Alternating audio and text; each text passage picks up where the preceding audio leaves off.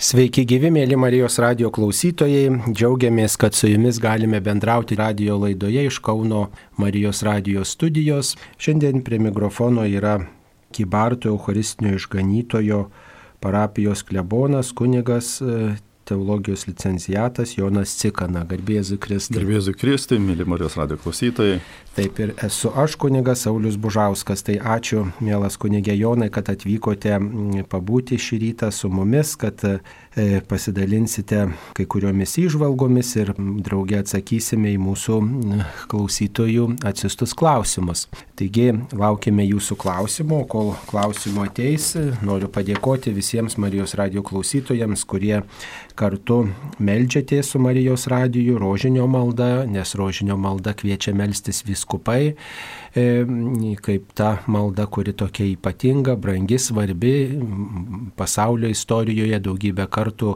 Tai buvo ir tikėjimo sustiprinimo priemonė, ir tiesiog įrankis įveikti blogį, sustabdyti įvairias grėsmės. Tai ir dabar kviečiame tikrai jungtis e, į bendruomenės, į grupelės ir bažnyčiose, o galbūt ir namuose, e, kartu gal ir su Marijos radiju arba kaip kitaip melstis rožinio maldą, nes Marija negalimų dalykų motina taikos karalienė mus palydi kelyje į Dievą ir stiprina visų mūsų tikėjimą. Tai kviečiame tikrai pasinaudoti šią maldą, galbūt kam per sunku visą rožinį melstis, tai melskimės dalį, dešimt sveika Marijų e, su tėve mūsų ir tikiu Dievą tėvą maldelę ir įvardinkim ypatingą intenciją už tai, kas šiame pasaulyje, o kam ir tai sunku, tai bent vieną sveiką Mariją su e, dideliu tikėjimu, nuoširdumu sukalbėti kalbėkime, bet malda Malda tai yra na,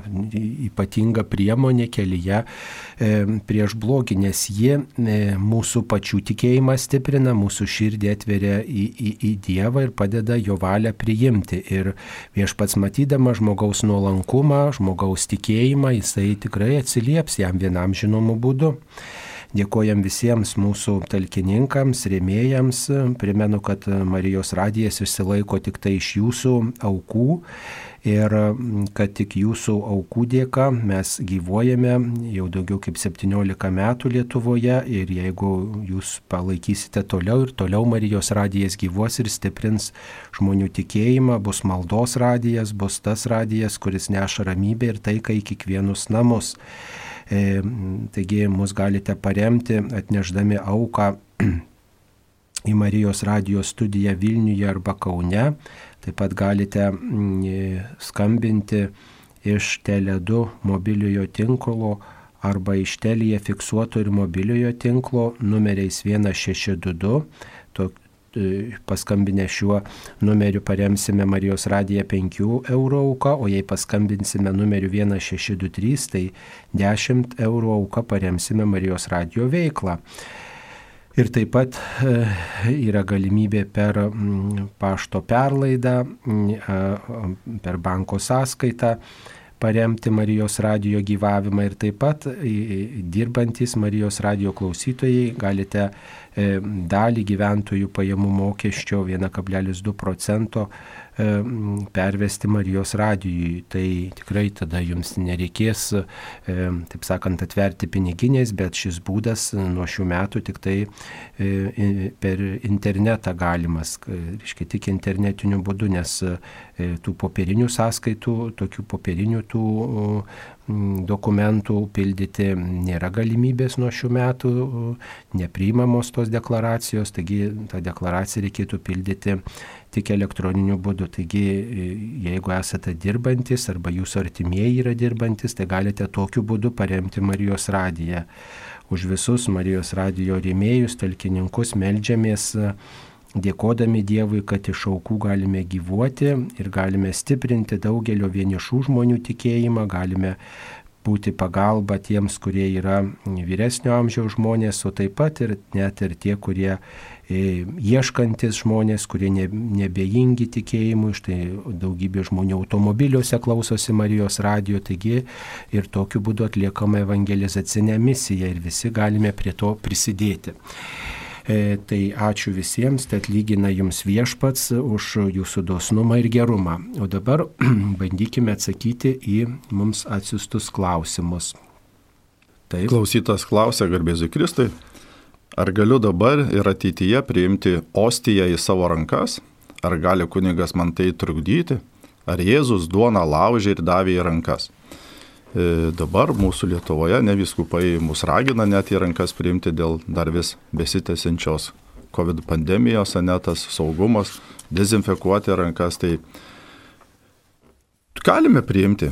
Ir katalikų bažnyčia turi įvairius tokius, kaip pasakyti, liturginius aspektus, ne pagal kiekvieną, pagal kiekvieną bažnyčios provinciją, žiūrėkit, kai kurios vakarų bažnyčios toliau ten, jos turi nuo seniau tą būdą nepriimti į rankas, bet ten tada turi tikintysi žinoti, ne kad ateiti tikrai pagarbėjai, kad priklaupti, ne vis tiek atiduoti viešpačiui garbę, tada rankomis sostą sudaryti ir tada niekant neinant, nesu, nesinešant kažkur į šoną, bet tiesiog priimti švenčiausią sakramentą prie kunigo ir tada išeiti. Kaip ir pandemijos metu pas mus atsiranda šitas, ne, irgi būdas liturginis priimti švenčiausią sakramentą, tai parapijose daug reikia vis mokyti ir mokyti ir mokyti ir net kartais dalinant šalia to, kad pakelia, sakai, Kristaus kūnas, dar vėliau sakyti, nenusineškite, čia suvalgykite, nes žmonės vis užsimiršta, nešasi. Tai... O Jėzus, Jėzus, manau, kad Evangelija nerašo ar davė į rankas, tiesiog, kad laužė, dalino, davė ir sakymkite, valgykite. Tai galim ten ginčytis, ar jis ten kokiu bliūdeliu vėl aplinkui 12 žmonių, tai ranka nebus tokia ilga, kad vis, visus 12 pasiektų. Tai reiškia, kažkaip vienas per kitą turbūt persidavė tą duoną, tai ten kažkokios didelės esmės nekeičia, svarbu, kad mes atpažintume, kad tai yra Kristus, o ne kad aš ateinu pagarbiai. Aišku, kartais ir šiais laikais va susiduri, yra vadinami pamaldėjai, kurie bando sakyti, kad žinai, čia į rankas, tai tu Dievą čia papiktinsi, dar ten įžeis ir dar kažką. Tai esmė net ne tame, jeigu jau Jėzus nusileido iki duonos, nu, tai duona vis tiek jinai neorė, kažkaip ateina iki žmogaus, jinai per rankas ateina. Va, tai esmė, kad aš atpažinčiau Jėzų duonoje. Ir jeigu aš atpažįstu, va, tada einu tą nuolankę širdimi, kodėl mes net, sakom, nesuvertas, kad ateitų mano širdį kaip to šimtininko tą maldą įdeda bažnyčia, kad iš tikrųjų atpažintume, kad ne dėl savo vertės, ne, nu, bet einu priimti Jėzaus tą nuolankumą, kuris ateina Euharistijoje prie manęs. Taip, tai kunigas gali trukdyti, jeigu jūs ne, nepagarbiai tą darote, nes kartai žmogus ištėsi taip atsainiai ranką, net ne, ne tokioj horizontalioj padėti, bet kažkaip šonu, kažkaip įskaitęs pirštus, ar ten, žodžiu, taip nepagarbiai, tai ten net ir baisu įdėti į tą ranką, tą, tą komuniją, net laikantis visų viskupų konferencijos nuostatų ir rekomendacijų, net ir tų hygienos centrų nuostatų, nes tiesiog, tiesiog ta komunija iškris iš tos rankos ir žmogus arba jis tiesiog nu, atsainiai tą daro, ar dėl, dėl nežinojimo, gal ir dėl sveikatos kartais gal žmogus negali iš ištiesti tos rankos, tai e, pagarbiai, tai, tai, tai čia reikia labai išmintingai turbūt žiūrėti ir, ir, ir pirmiausia turbūt laikytis viskupų konferencijos nutarimų, o kita vertus sveiko proto reikia laikytis, jeigu žmogus, pavyzdžiui, vyresnis negali tiesiog ištiesti tos rankos ar ką, nu tai nieko tokio, kad ir į burną pagarbiai priims. Tai čia... Taip, taip, taip. Taip, gerai. Dabar mm, e, štai tokia žinutė apie mm, švento rašto vieną ištraukėlę iš Evangelijos pagal mm, Mata 24 skyriaus maždaug nuo 7 eilutės. Bet tai dar negreit galas, tauta sukils prieš tautą ar karalystė prieš karalystę, vietomis bus badmečių ir žemės drebėjimų, tačiau visa tai tik kentėjimų pradžia. Na ir taip toliau. Turbūt klausimas būtų toks, reikia, kad tai įvyktų. Kodėl reikia? Tai Jėzus labai įdomiai yra pasakęs apie pasaulio pabaigą, kad nei angelai, nei sūnus nežino, tik tai tėvas. Ką Jėzus nori to pasakyti? Pasakyti, kad mūsų nėra tikslas čia įspėti, kada tas Dievas ateis. Paskui pradėsim ten manipuliuoti, ne? kaip tas turtingas žmogus, kur ten daug derliaus davė, ne, ai, tai dabar aš daug čia visko turiu, tai mano siela linksmikis. Ne, ne, ne, mes nežinom, kada ateis. Mums kiekvienam pas, pasaulio pabaigai ateina mano mirties diena, tai Tai va, aš to nežinau. Tu, mūsų, mūsų pasaulis šitas yra laikinas jisai, jis nėra amžinas. Mūsų Dievas pakviečia per šitą pasaulį, bet kviečia mus į amžiną gyvenimą.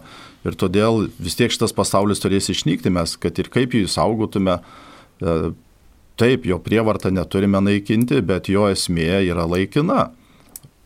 Žmonės viešpats pakviečia, kviečia, kad mes daugintumės, pripildytume žemę, tai reiškia, į dangų žmonių niekaip kitaip neteina, tik tai kaip per žemę. Va, žemė tam duota ir, ir tada tik tai reikia atpažinti tą Dievo dovaną, dėkoti ir daryti tuo, kad, kaip sako, kad kuo daugiau žmonių į dangų eitų ir nepražūtų, bet tiesiog visus, kuriuos viešpats kviečia, galėtų jie pasiekti tą dangaus karalystę. Na, išgelbėjimas, žmonių išgelbėjimas taip kaip Jėzui kainavo mirti ant kryžiaus kaip ir daugelis tiesiog žmonių taip pat patiria tą kančios skonį ir net ir ištikimieji Kristaus sėkėjai taip pat, na, vat, kryžiaus kelio dalininkai yra, nes čia yra nu, tokia išgelbėjimo kaina.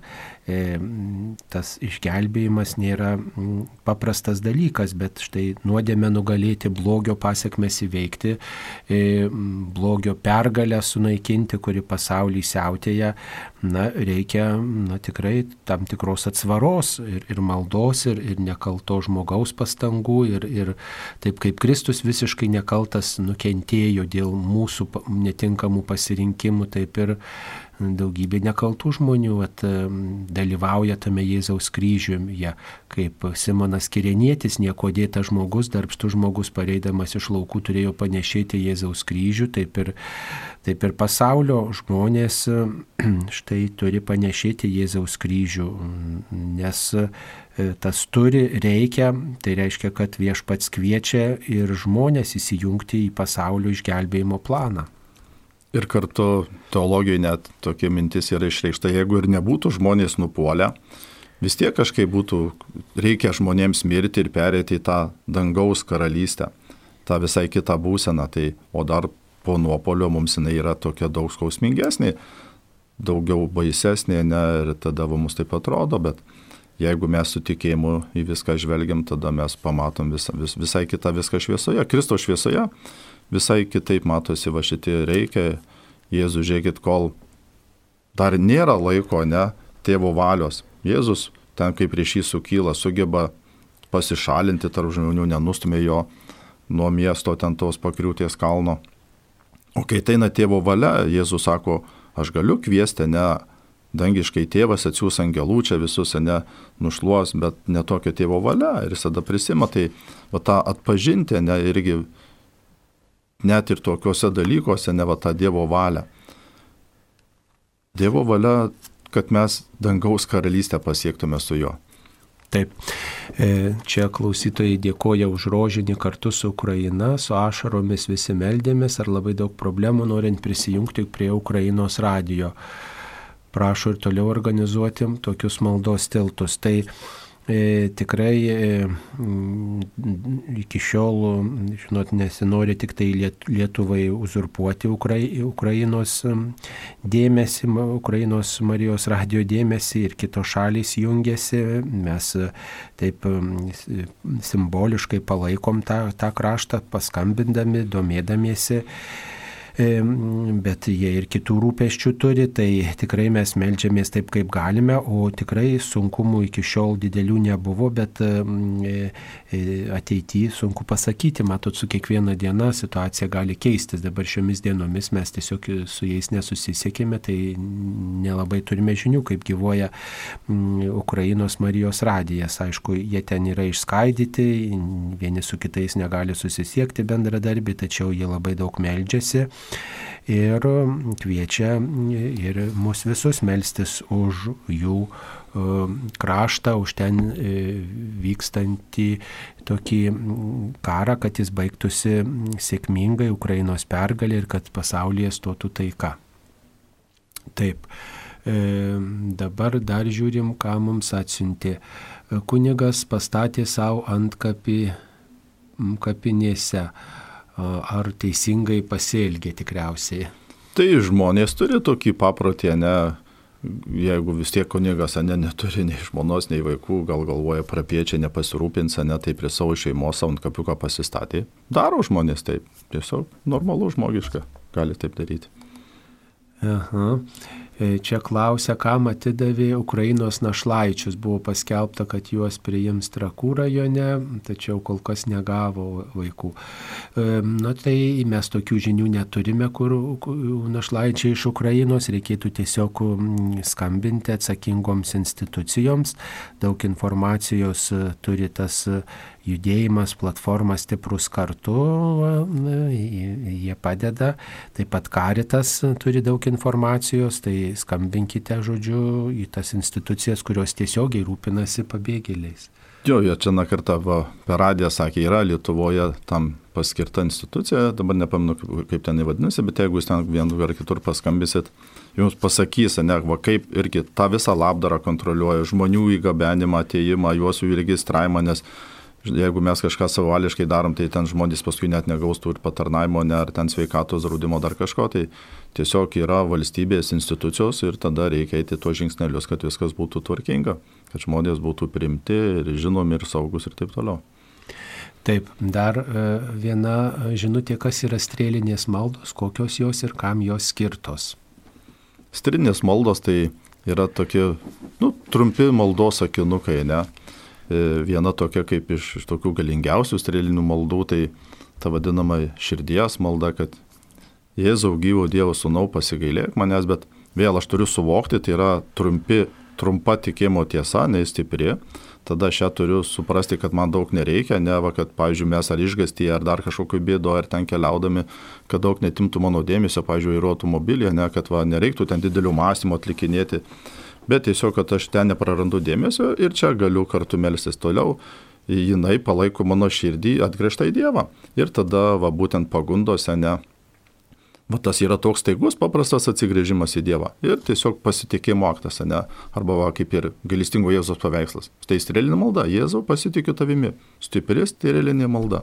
Arba Jėzau Marija, myliu jūs, gelbėkit Jėlas. Ten yra daug tokių vairių maldelių ir tiesiog kas mums širdie miela, mes tą pasirenkam. Ir tai yra va, pirmas ginklas, va, ištikus pagundai, ne kažkokiam blogiui, susiraminti savo sielą, nusiraminti ramybę ir tiesiog pasitikėjimą Dievo puoselėti. Turbūt jas reikia kartoti bent keletą kartų. E, kai kurie žmonės, štai pavyzdžiui, paima rožinio virinėlį ir va tiek, kiek yra karoliukų, tiek ir ta malda kartoja tos, tos žodžius Jėzau pasitikiu tavimi. Tai tiesiog tokiu būdu atliekama meditacija. Kitas dalykas tai padeda susikaupti. Ir dar vienas aspektas, kai m, tiesiog kiti žodžiai, jie nesiklyjuoja, jie atrodo beprasmiški. Tai tas trumpas sakinys viešpatė pasigailėk, Dieve gelbėk, Jėzau myliu tave, viešpatė padėk Kyrie leison tiesiog, va ir graikiškai. Tai Tai tiesiog, na, taip išreiškia mūsų tikėjimą tokiu būdu ir, ir na, tokiu būdu mes atsiveriam labiau Dievui ir, ir jo valią, jo meilę priimam ir, ir prašom. Dar tokia, teko girdėti tokia labai irgi originali strėlinė malda, kai štai žmogus nori už kitą melstis, bet tai pergyvena, taip tiesiog susijaudinęs yra dėl kito žmogaus ar nesėkmės ar situacijos, tai tiesiog kartoja jie Jėzaus vardą ir to žmogaus vardą. Jėzau gelbėk Joną, Jėzau Jonas, Jėzau Joną lydėk. Tai tiesiog vat, tokiu būdu tą žmogų paveda Dievui ir tokiu būdu na, vat, savo meilę tam žmogui pareiškia, savo rūpestį išreiškia ir nėra tada daug žodžių, bet yra tas intensyvus žmogaus rūpestis. Taip mums paskambino. Klausytojas Algymantas. E, klauskite, Algymantai. Gerbėjai, sveiki. Per amžius. Norėčiau paklausti, popiežius buvo apsilankęs Rusijos ambasadoje ten prieš, prieš karą. O ar jis buvo apsilankęs Ukrainos e, ambasadoje ir perspėjo ukrainiečius, kad virš jų ten šalies e, kabo Dievo rūstybės kardas? Ačiū. Taip. Um... Ačiū už klausimą. E, apsilankė Rusijos ambasadoje, tai jau kai prasidėjo karas, jeigu gerai žinias skelbiau ir būtent jo tikslas buvo tiesiog kviesti, suprasti, ką jūs darote, ne kad karas yra blogis ir sustokit, reiškia, išreiškit savo bažnyčios, visos bažnyčios poziciją tikinčiųjų kad reiškia karas yra blogis ir prašom jį stabdyti. O žiniuose aš negirdėjau, ar lankėsi Ukrainos ambasadoje, bet į Ukrainą va, išsiuntė savo delegatų, kardinolų, tai popiežius rodo tikrai tą skaudančią atvirą širdį dėl šito karo žydinio. Taip, o, o Ukrainos ambasadoje, na tai yra ne tik tai Ukrainos ambasada, bet ir popiežiaus e, kardinolai e, vyksta, e, kardino, popiežiaus misija vyksta į, ir į Ukrainą, ir į ten, kur yra pabėgėliai ir iš Ukrainos, tam, kad pareikštų ir artumą, ir netgi materialiai prisidėtų prie pabėgėlių situacijos gerinimo ir kad parodytų, jog štai popiežius rūpinasi tai žmonėmis, meldžia meldžiasi už juos ir daro, ką gali įvairiais kanalais. Taip, e, dar toks klausimas, kad be Dievo žinios žmogui net plaukas neiškrinta, dabar Rusijos agresoriai masiškai naikina Ukrainos žmonės, tai Dievo valia ar dar galingesnio šitono valia. Nu, ką žinai, ar čia šitonas dar galingesnis, tiesiog... Dievas žino, kad tai vyksta, nebūtinai tai yra Dievo valia, žiūrėkit, yra toksai skirtumas Dievo valia ir Dievas leidžia. Dievas savo valioje sukuria žmogus, žmonės laisvus, duoda laisvę ir va mes savo laisvę turim priderinti prie Dievo valios.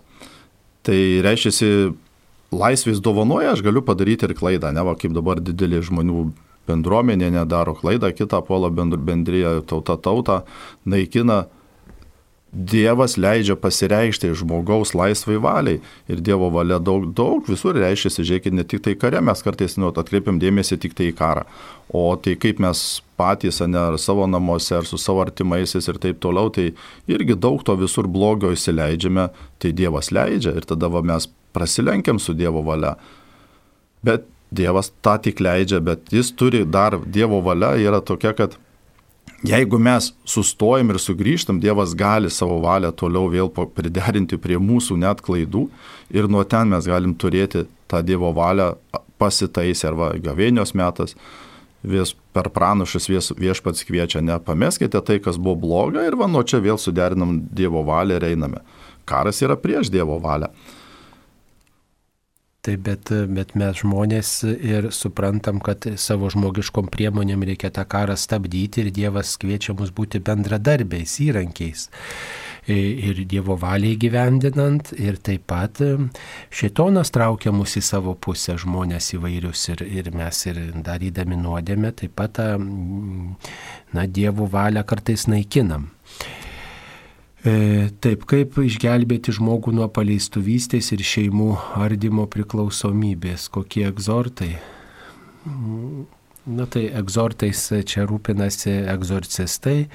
E, mums čia tiesiog, kad mes ir žinosim, kokias ten maldas skaito, nuo to niekas, kaip sakyti, nepasikeis, ne? Bet e, išgelbėti žmogų nuo priklausomybės, tai pirmiausia reikia pačiam tam žmogui gelbėtis, pats Pir, turi norėti. Pirmiausia, mes turim suprasti, ne, kad Dievas sukuria žmogų pagal savo paveikslą panašumą, jis sukuria kaip vyrą ir moterį. Tai reiškia, dviejų skirtingų lyčių. Ir, žiūrėkit, duoda Dievas meilės užduotį. Mylėti ir žmogaus litiškumas visada žinome iš bioetikos, ne kad turi dvi dimensijas - meilę perduoti ir gyvybę perduoti. Iš kur atsiranda paleistuvystė, tai va būtent žiūrėkit, va, mes galvojam dabar čia ir Ukrainos separatizmas. Čia pirmasis separatizmas, kai mes net pažįstame, ne kas aš esu toks kaip žmogus, vienis, kad sukurtas ir meilė perduoti, ir gyvybė perduoti, ir tada pradedam skambinti tokiais varpais, kad ne, ne, ne, čia žmogaus laisvas pasirinkimas, žmogus gali tą atmesti ne vieną savybę nuo kitos, ne tą žmogaus galę. Ir mes pasirinkam, kas mums patogiau, kas čia mums maloniau. Ir va tada atsiranda tos paleistuvystės. Tai viešpats mus kviečia integraciją, ne va, suprasti, kas aš toks esu. Ir tada mes žinome, kad mums reikia čia ir Dievo palaimos, ne Ir tada vėl tų visokių pagundų atsiranda, žiūrėkit, prieš pagundą, kas yra kovoje. Dorybė. Dorybė skaistumas. E, nepatikėsite, jeigu esat buvę kada santokos sakramente, po palaiminimo, kai kunigas meldžiasi už jaunuosius, yra tokia vienas maldos sakinys, kad reiškia, kad viešpatė laimink juos, kad jie duotų kitiems žmonėms skaistaus gyvenimo pavyzdį. Ir net jau santokoje, žiūrėkit, kai prasideda, aš kiek kartų jaunosiom sakęs, sakau, nu brangiosios, jūs jau suviliojai savo vyrą, džiaugis juo, bet nenorėk toje šventėje suvilioti kitus, ne? Vat ateina tokia apranga, ne, kad atrodytų dar jai maža to vieno vyro, reiškia dar į kitus suvilioti. Tai va, va tas, ar aš atpažįstu, ne, kad kas tos daurybės, ne, kas yra vertybės. Va čia viskas prasideda. Taip, dabar Dar vienas klausimas, ar nesvarbiau rožinį kalbėti dėl Rusijos, ypač kad apšviestų protus vadams, kurie duoda įsakymą žudyti žmonės. Taip iš tiesų reikia melstis ir už Rusijos atsivertimą, ir už vadus. Dar viena žinutė, kokios yra figūros ant Kauno arkikatedros centrinių durų išraižytos, kokie jų vardai.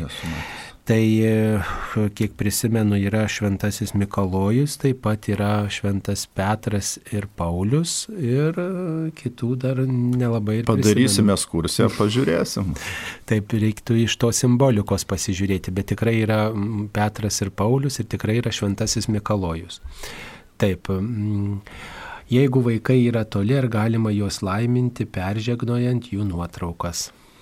Tai, nu, per, kaip pasakyti, nėra tokios, e, vėl kas, kas čia būtų per fiziką, kas per chemiją, ar kas čia kokiu būdu, ne. Laiminimas eina nuotoliniu būdu, žiūrėkit, kaip mūsų šventieji iš dangaus karalystės užtarė. Dievo kur Dievas gyvena, ne už visatos, už kurios visatos ir taip toliau, tai, bet Dievo malonė dvasioje, jinai čia ir dabar ateina, tai nebūtinai per nuotrauką, tu im tik sentimentais, jūs prisimenate, ne va, kaip jūs atrodė tas vaikas, bet laimimas yra dvasinis dalykas, tai nebūtinai per nuotraukus tiesiogiai savo žmogų laiminat, artimą į vaiką pažįstamą.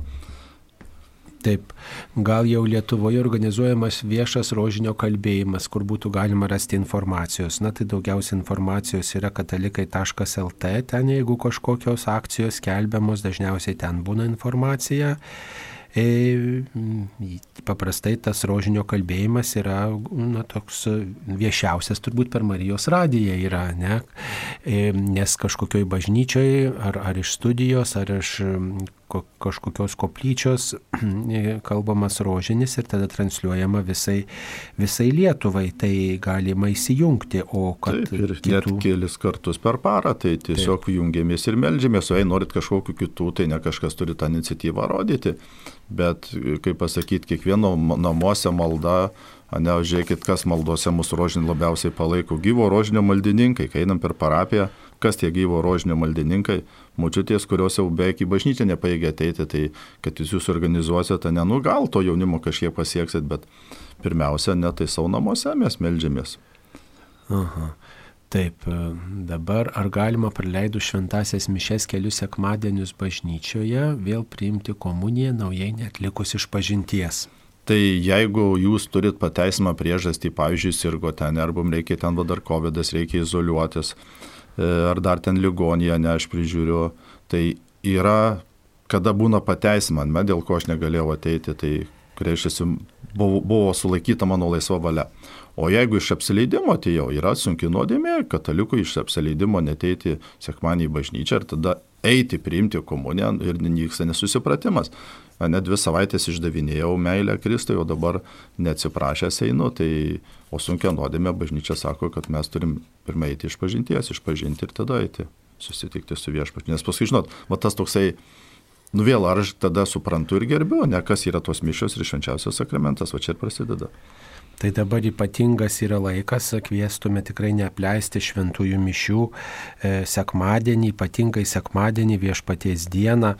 E, švesti ir tikrai dabar jau ir ta pandemija yra nuslobus ir laikas neramus, ateikit, prašykit viešpaties pagalbos, dėkokit už tai, ką mūsų krašte ir prašykim pagalbos, kad karas liautųsi, kad visos tos krizės neišbalansuotų pasaulio ir kad žmonės tikrai matydami grėsmės keistų savo širdis. Ir tas, kas sekmadienį dėl įvairių priežasčių e, negalite, išvykstate ir kažkas, kažkas jūs matot, kad sutrukdys, tai dalyvaukite šeštadienį vakare šventosiuose mišiuose išvakarėse, sekmadienio išvakarėse dalyvaujame šventosiuose mišiuose, tuomet ta pareiga, sekmadienio pareiga yra atliekama.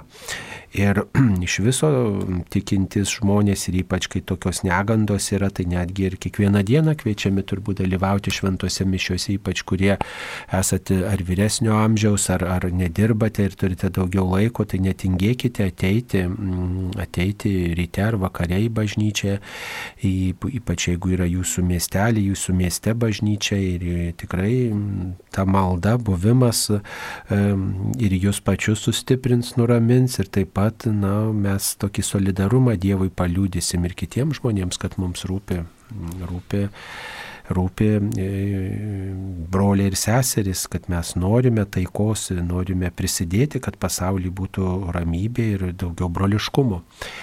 Taip, dar klausimas, karas yra gamtinė kova ar keiksmai įvairūs įvardyjimai, linkėjimai, net ir mirties Putinų nesustiprina jo blogio ir žiaurumo galios. Taip, šita, manyčiau, yra nemaža didelė problema.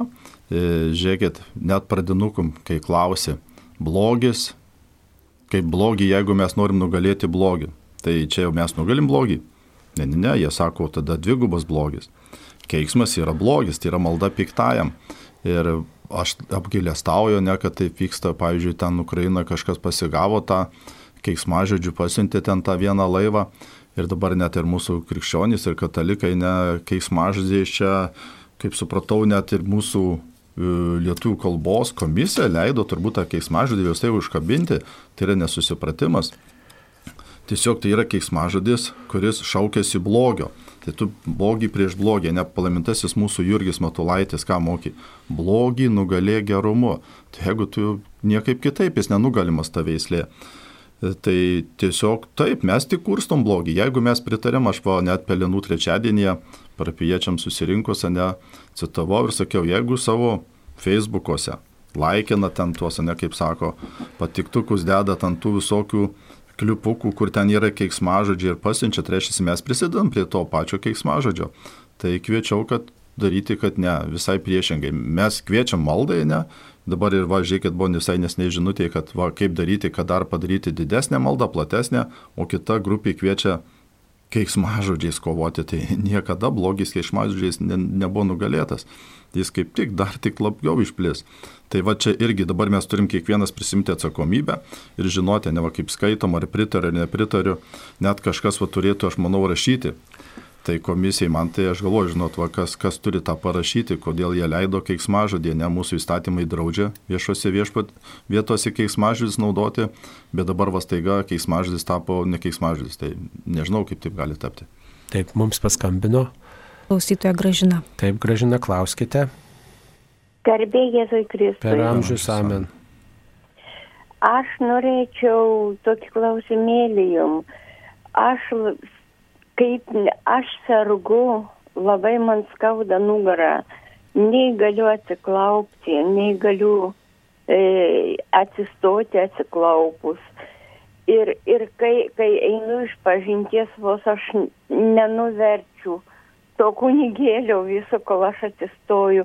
Ką man daryti, kaip aš dažnai negaliu eiti į bažnyčią, nes tikrai nu, nemu, net ant tų laiptelių negaliu atsiklaupti, paskui, kai reikia atsikelti, nebegaliu nieko daryti nu tai jūs galite paprasčiausiai atėjusi sėdėti bažnyčioje, sėdėti bažnyčioje, kada jau ten žmonės e, klaupiasi, tai atsistoti, jeigu galite atsistoti, o jeigu negalite atsistoti, tai tiesiog sėdėkite, bet tas jūsų atėjimas, dalyvavimas, tai tikrai yra didelis, didelis e, atgaivo šaltinis ir jums, ir taip pat liūdėjimas kitiems žmonėms, kad net žmogus, kuris yra silpnas, štai ateina, jam svarbus Dievas, jisai sustiprėja.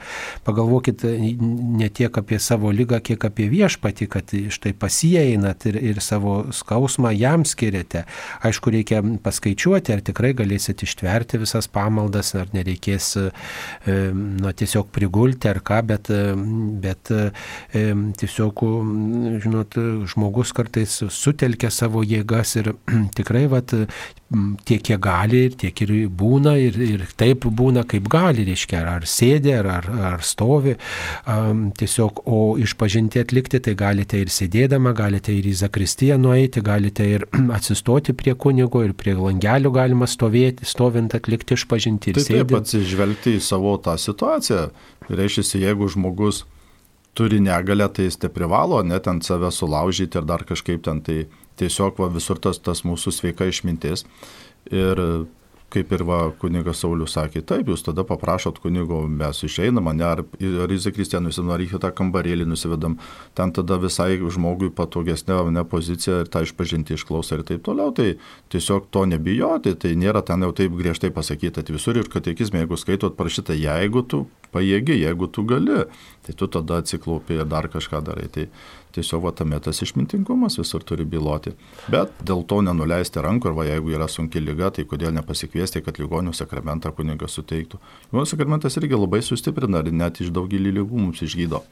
Taip, o jeigu e, tikrai negalite išbūti visas šventas mišes, kurios trunka nu, maždaug nuo pusvalandžio iki valandos, e, tiesiog bažnyčioje ir ypač tie mūsų klausytojai, kurie klausotės mišių per Marijos radiją, tai tikrai tuo neapsiribokite, tai yra tokia žodinė pagalba, dvasinė, tokia per atstumą, tačiau tas gyvas santykis su Kristumi yra reikalingas, tai vad jau bent jau kartą metuose ar kelis kartus, o geriausiai greičiausiai kas mėnesį pakviesti, kad ligonių šitą švenčiausią sakramentą atneštų ligoniams kunigas arba tiesiog tas paskirtas kunigo tarnautojas atneštų jums į namus. Tai tiesiog pasiskambinkite ir tikrai neatskirkite savęs nuo švenčiausio sakramento, ypač kai toks laikas neramus, kai nežinom, kas čia mūsų laukia rytoj, kokie pavojai bus, kad mes visi būtume katalikai susitikti susitaikę su Dievu, kad mes priėmę švenčiausią sakramentą ir tikrai tokioj malonės būsenoje galėtume pasitikti rytojų ir tada į viešpaties rankas visą atiduoti.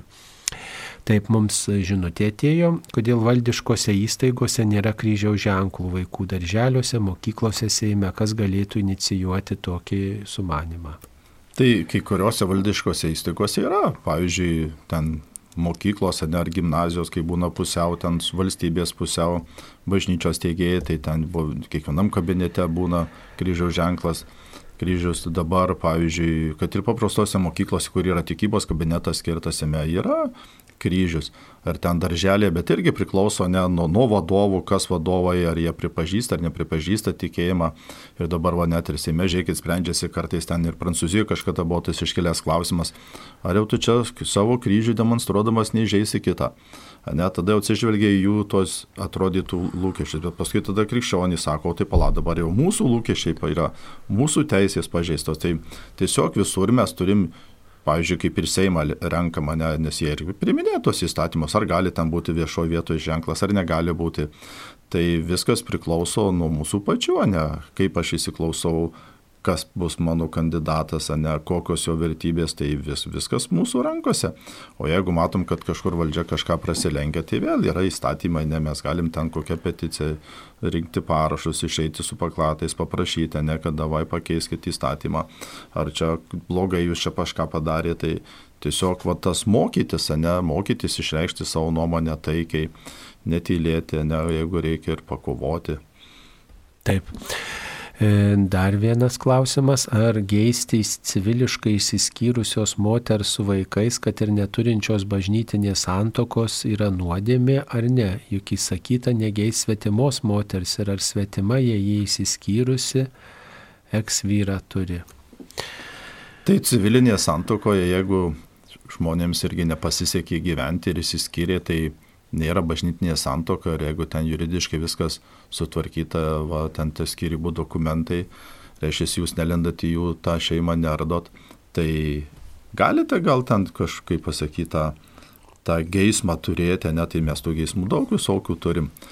Va, ir, ir jeigu ten jūs pradedat draugauti ir einat iki santokos, ne, tai vėl tada yra tie bažnyčinė nuoroda, ten reikia praeiti tuos visus ir kursus ir tada ten kunigas sutikrina, ne, ar tikrai ir vienas ir kitas laisvas ir prisima tas visus įsipareigomus ir vaikų santykiai ir taip toliau. Tai, žinot, va tas.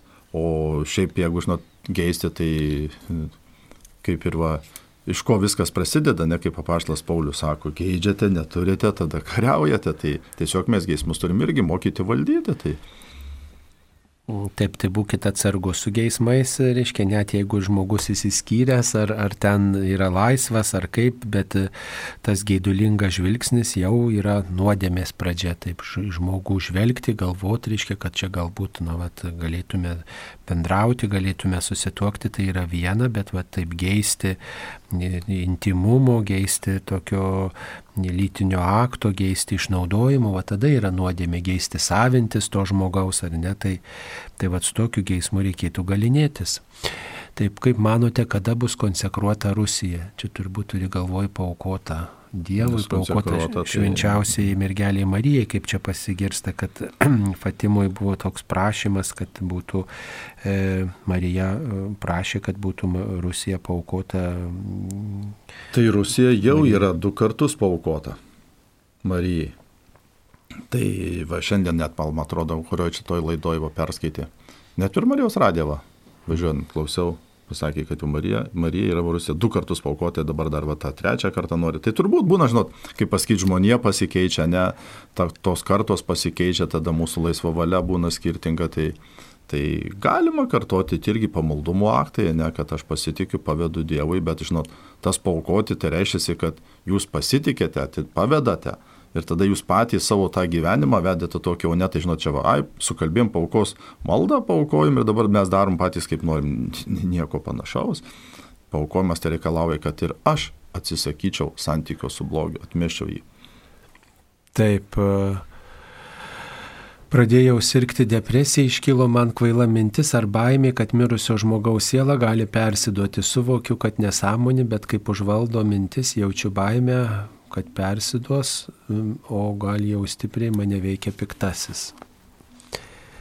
Tai depresija, matot, irgi e, lyga tokia, kad ne, jeigu jau mes patys nesusitvarkome, tai gali būti, kad gal reikia mums ir pagalbos, ne mūsų smegenims, ten ne, tam tikri cheminės medžiagos kartais nesigamina, ne, ten tiesiog jau reikia tai medikus kreiptis, nes šiaip nuotaikos nebuvimas tai viena, bet jau jei depresija, ne, jau kaip lygos tas požymis, tai kad mums reikia šiek tiek tos medicinės gal pagalbos, o po to tai vis tiek, žinot, va, tas visur apsišvietimas turi būti, ką reiškia siela persidoda, kai, kai šie persikūimai, tai gal fantastinių filmų, kokių fantastinių knygų prisiskaitėt, kurios nieko bendro neturi su krikščioniška mūsų tikėjimo ideologija, net, nu, tai tada jūs ten galit fantazuotis kažko irgi, tai tiesiog va tą būdėti, ne, kas, kas ateina į mano, mano protą, į mano mintis, į mano širdį, mano vaizduotę. Tai mes jau nuo, nu, iš anksto turim tą, tą žinoti ir būdėti, o šis pasaulis jis pilnas tų visokių, žinau, tokių klaidingų ir nuomonių ir ko tik nori, ir saubų ir viso kita, ir paskui mus įtakoja, tai tiesiog va, tas toksai vidinė būsna, dabar gavėnė sako, ne va, susilaikyk, nepasnikau. Taip, tada kodėl nepapasnikoti nuo tų visokių, ar ten tų filmų, ar ten tų serialų, ar dar kažko, ir tada mes valom savo sielą, daugiau skirti laiko maldai kažkam dvasiniu paskaityti. Nu ir būtų neblogai, kad neužsidarytumėt vienas, bet e, nueitumėt, pavyzdžiui, iš pažinties dažnai, pasikalbėtumėt su kunigu, žodžiu, kad paprašytumėt, kad kunigas pasimelstų už jūs asmeniškai, galbūt jūs ir pats stenkitės melstis, kad ir trumpomis maldomis, kai ateina tokios įkyrios mintis, ne, tad, kad ir vat, kalbėjom apie strėlinės taip, taip. maldas, trumpas maldas, viešpatie aš esu tavo, viešpatie pasigailėk ir šalink visokią blogą įtaką nuo manęs ir blogas mintis, viešpatie aš tavim pasitikiu, tu esi blogio nugalėtojas, tu esi prisikėlęs viešpats, tavim pasitikiu. Ir ta tokia, kad ir trumpa malda, jinai reikalinga ir jinai tokia tikėjimo sustiprinimo priemonė, o šiaip tai tikrai nelikite vienas su tokiomis niuriomis mintimis. Taip mums paskambino. Klausytoja Vanda. Taip, klauskite. Garbėjai Kristui. Amžius. Pas mane toks yra nu, tiesiog gal ir kvailas klausimas. Išėjo iš kalbos apie kučias dėl šieno. Kiek prisimenu iš mažens, daugiau ar mažiau yra dedama ant stalo. Taip. O čia sakė, sakė, mes prikišam maišą šieno, pakišam po stalu ir tada valgom kučias. Ar taip galima? Galima, galima, tai, visai galima. Tai žinot, šienas, kad va, prisitiek tiesiog priminimas, ne ar kvapas, ar dar ten kažkas, kad va, Kristus gimė tvartelė, tai čia jokio kitokios tikėjimo esmės neturi, tiesiog netoks savo tradicinis šienelio pasidėjimas ar ten po staltėse, dar kažkur, jeigu, žinau, ten nepatogu, to, padėsi didelį gabalą šieno krūvelę, nedėsi ten kokią tą sirbytę guampinienę ir įsiversi ir tada tavo šventė visai įsitaškės. Tai tiesiog visur protingumas tas toksai, tai kaip mums patogiau nereikia, kad pavirstų tos tradicijos tokiu stabu, nereikia žiūrėti, kodėl, kokia prasmė gilesnė, ne, galbūt galima ir kitaip šiek tiek, ne, e, tą, tą dalyką kažkada, matot, į maišą šieno prikemša, po stalu padeda ir paskui žmonės turėjo gyvulių, nuneša gyvuliam, padalina vat, po kučių, tai tada tokia vat, nu, vat, viešpats atėjo į mūsų gyvenimą, gimė tvartę, šventė mūsų namam, šventė ir kūrinyje, ir vat, gyvuliai gyvuliai, reiškia, nu, jie irgi Dievo kūriniai ir tai savotiškas toks dėmesys tam gyvulėliui ir pasidalinimas toks pagarbus, e, to šventės tokia žinia ir, ir, ir, ir padėka Dievui už tuos gyvulius tokiu būdu. Tai čia formos dalykai, kurie neturėtų užgošti visos esmės, mums paskambino. Klausytojelė. Taip, klauskite. Klausau. Taip, Gerbėjus, kuris. per amžius. Aš norėčiau paklausti, kad tai aš kaip melžiuosi visą laiką, melžiuosi, mel, melžiuosi tai į roženčių, tai tų paslapčių nepasakau. Tai galvoju, aš, nu, aš jų neprisimenu iš eilės, kaip reikėtų. Nes matyt nematau, neskaitau, nu, matyt tai matau atveju dievulių dar. Nevarau, nevarau dievulio į maišą tai. Bet, ne, nu, skaityti, nes jau man eina skaityti. Nu tai aš dabar meldžiuosi su Marijos radija kartu. Bet būna, kad aš noriu ir vieną pasimels ir galvoju, ir ar čia nieko, kad aš pavyzdžiui meldžiuosi tėvė mūsų sveika Marija, papotė rauno roženčiuką ir ant galo tik į Dievą tėvą.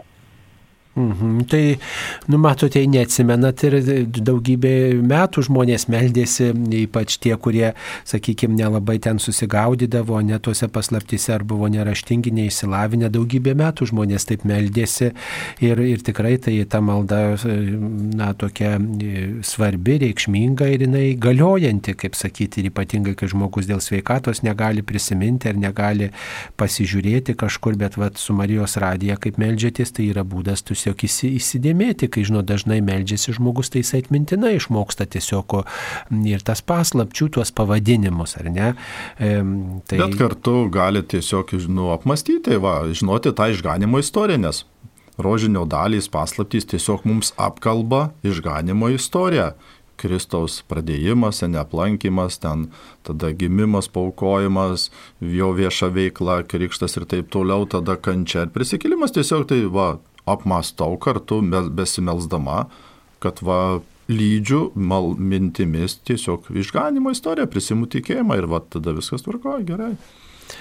Taip, atgailos reikia už abortus, nesažiningą gyvenimą, argi tai ne žmonių žudimas netaikos metu. Taip, tai žmonių žudimas ir taikos metu ir niekas dėl to nesusimasto, kad nekalta gyvybė taip pat žūsta. Taip, visiškai. Taip, ir, ir, ir ne tik, kad atgailos reikia, ir motinoms vėliau, kai supranta, kai pradėti tikėjimo keliu būna labai sunku ir tada net yra e, tokia pagalba, rekolekcijos vadima ar Rachelės vynugyno, ne, tai ten yra speciali programa, nes irgi moteriai vėliau jau, kai ateini į tikėjimą ar suprantai, ką tu padarėjai, tai iš tikrųjų labai didelė vidinė širdies graužatis ir tada žinot, kad tą paskui ateina šitonas kitų būdų, ne, kad tu neverta čia atleidimo, kaip tu galėjai, ne, tada tave persekio ir tau vėl, tai vėl tą tada išmokti Dievo gilestingumą priimti. Bet mes turim melistis, turim šviesti vieni kitus. Dabar, pavyzdžiui, yra e, Juozapo metam, va tokia buvo labai įdomi iniciatyva. Ir man atrodo, Berots per Marijos radiją net pasakė, e, yra sukurta tokia programėlė, vadinamas dvasinis įsivaikinimas. Reiškia, net va iš jaunimui reklamavau, kad galite parsisiųsti. Reiškia, pasimi, įsipareigoji devynis mėnesius lydėti pradėtą kūdikį Dievą, žino, kuris pradėtas. Ir va ten būtent irgi rožinio malda melstis, tai ypatingai jaunesniems, kad ir ten yra tokios įvairios pasikalbėjimai, ne va, kaip tu meldėsi, kad tas žmogutis, kuris pradėtas būtų apsaugotas būtent tave pirminė intencija, kad apsaugotas nuo aborto, ne, kad jo nenužudytų dar negimusio.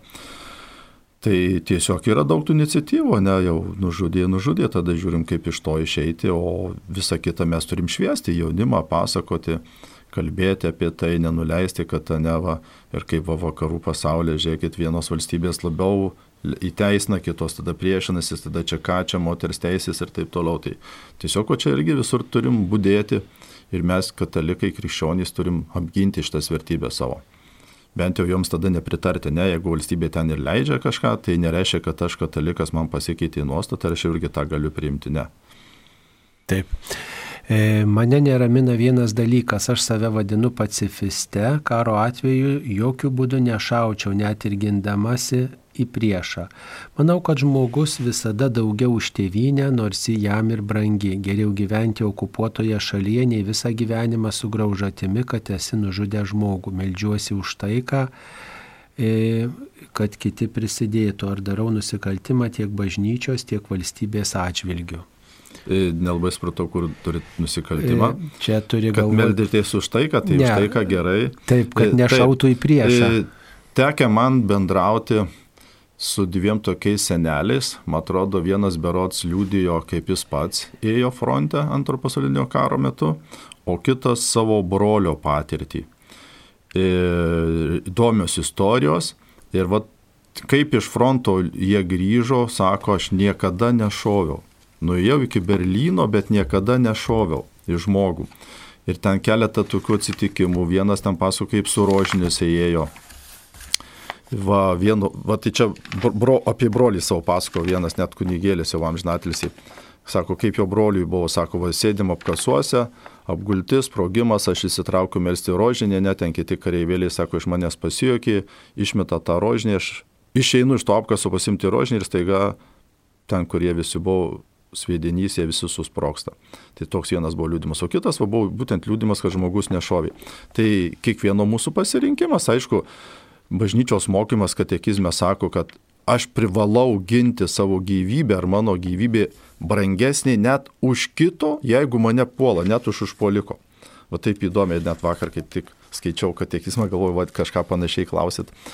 Tai va tai, kad žmogus privalo, Dievas įdėjęs mums net tą vadinamą savyginos instinktą, aš privalau ginti gyvybę. Pamenu, kažkada va dar Liškevoj tarnavau ten druskininkos yra jehovistų tokia stipri gal bendruomenė, ateidavo jie pasikalbėti su kunigu, tai jie atsineždavo šitą vieną argumentą, kad katalikų bažnyčia čia matai palaiko karą. Ne, e, jinai sako, kad mes turim teisę gintis, ne. Tai Dievo tai įdėta, tai taip, mes turim siekti, kad būtų taika, ne, bet va tada prasideda čia labai viskas yra plato, ne va. Kaip aš prisidedu prie taikos ir kas yra ta taika, ne tik, kad Pavyzdžiui, kas ginklus gamina, ne? Pavyzdžiui, jeigu žmonės sakytų, va mes vis ten tik tai kokie du vadovai, sakytume, ne, pasaulyje nori karo, o visi ne. Tai tada, žiūrėkit, žmonės suprotestuoja, neina net į tas gamyklas gaminti ginklų. Taigi, ne du vadovai sukuria šitokius ginklus, ne, vėl visokios prokstamos galutės, kas jas sukuria, patys žmonės. Jūs suprantat, va čia va, visa taika turi būti pačiuose žmonėse. Tai tiesiog mes turim siekti jos, taip melstis, siekti. Ir pavyzdžiui, šventame rašte daug yra kovų, kurios be ginklų laimėtos. Kol ateina Izraelio kariuomenė, žiūri viešpats jau sutvarkęs, net ant tų pavyzdžių galim rasti, tai širšės užleido, tai krušą užleido dar kažką.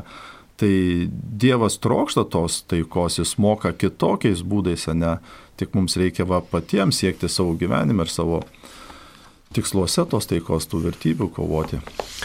Nu, žinot, galų gale gerai, kad jūs taip mat mastote dabar, bet kai ateis tas kritinis momentas, tai dar sunku pasakyti, kaip tas žmogus pasielgtų, ne? ar jisai nešautų, ar jisai šautų. Tai, tai vėl, vėl kitas dar momentas yra, bet kad jūs taikos žmogus esate, kad melžiatės, kad branginat ir net ir priešo gyvybę, tai tikrai nurodo jūsų didelę pagarbą žmogui. Na tai taip, bet, vat, žinot, tos realios aplinkybės reiškia jos visiškai kitaip nu, parodo, ką mes ryštamės. Tai e, tikrai melskimės už tai, kad nereikėtų niekam, net ir ne pacifistų imti ginklo. Ir tikrai ta malda pirmiausiai mums ramybė teikia ir viešpaties akivaizdu yra liūdėjimas, kad mums rūpi taika. Taip. E, dar vienas klausimas. Per Marijos radiją vis girdžiu pasakymą, kad Jėzus buvo prikeltas. Kaip yra iš tikrųjų, buvo prikeltas ar pats prisikėlė? Jeigu Jėzus buvo prikeltas, tai reiškia, kad Jėzus ne Dievas, kaip sako žydai, kad jų nuomonė Jėzus yra tik pranašas. O jeigu Jėzus yra Dievas, tai kodėl vieni per tą patį Marijos radiją teikia, kad buvo prikeltas, kiti, kad prisikėlė? Taip, tai e, esmė, kad Jėzus, mes Velykose, ne Kristus prisikėlė, sakom. E, bet žiūrėkit, e, kas mirė? Mirė Kristus kaip žmogus. Reiškia, Jėzus sulaiko dievystę būdamas žmogumi. Paulius sako, žiūrėkit, kaip Dievo sūnus nesilaiko lygybės su Dievu, apiplėšia save, tampa žmogumi. Tai reiškia, Jėzus, būdamas žemėje, jis nesinaudojo savo dievystę ir jis miršta pilnai kaip žmogus.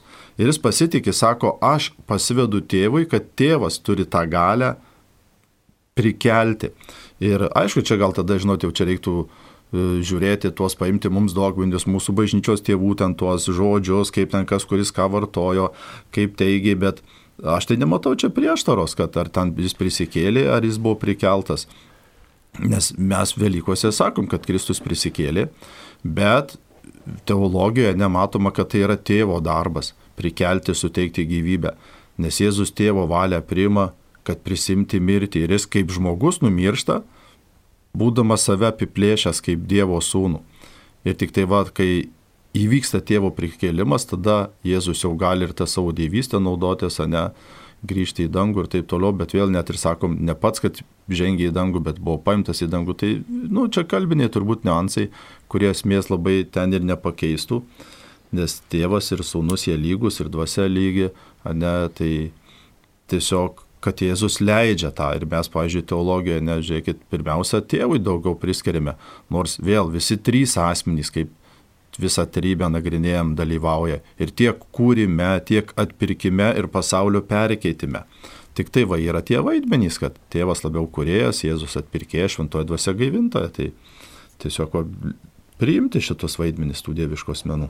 Kitaip sakant, jeigu sakom prikeltas, tai turim galvoj, kad tėvas e, dieviška gale prikėlė Jėzų e, kaip žmogų, ne? o kai sakom prisikėlė, tai tada norim pabrėžti, kad Jėzus ne, tik, ne tiek kaip žmogus prisikėlė, bet kaip Dievas ir žmogus. E, kaip Dievas jisai perėjo mirtį, bet kartu jisai ir tą žmogišką savo žmogystę štai per mirtį pervedė, prikėlė gyvenimui ir tokiu būdu norim paliūdyti, kad jis yra vienybėje su tėvu Dievu, kad ta, ta jo dievystė nėra tik jam vienam rezervuota, kad tai taip, taip. Ir, ir, ir yra, reiškia, dievystė viena, vienos prigimties su tėvu yra. Tai čia žiūrint nuo kokio konteksto, juk pavyzdžiui, pats Jėzus sako, aš turiu galę gyvybę atiduoti ir turiu galę vėl ją pasiimti. pasiimti. Ir taip pat sakė Jėzus, kad aš esu prisikėlimas ir gyvenimas. Aš esu prisikėlimas. Tai reiškia, aš prisikeliu, ne?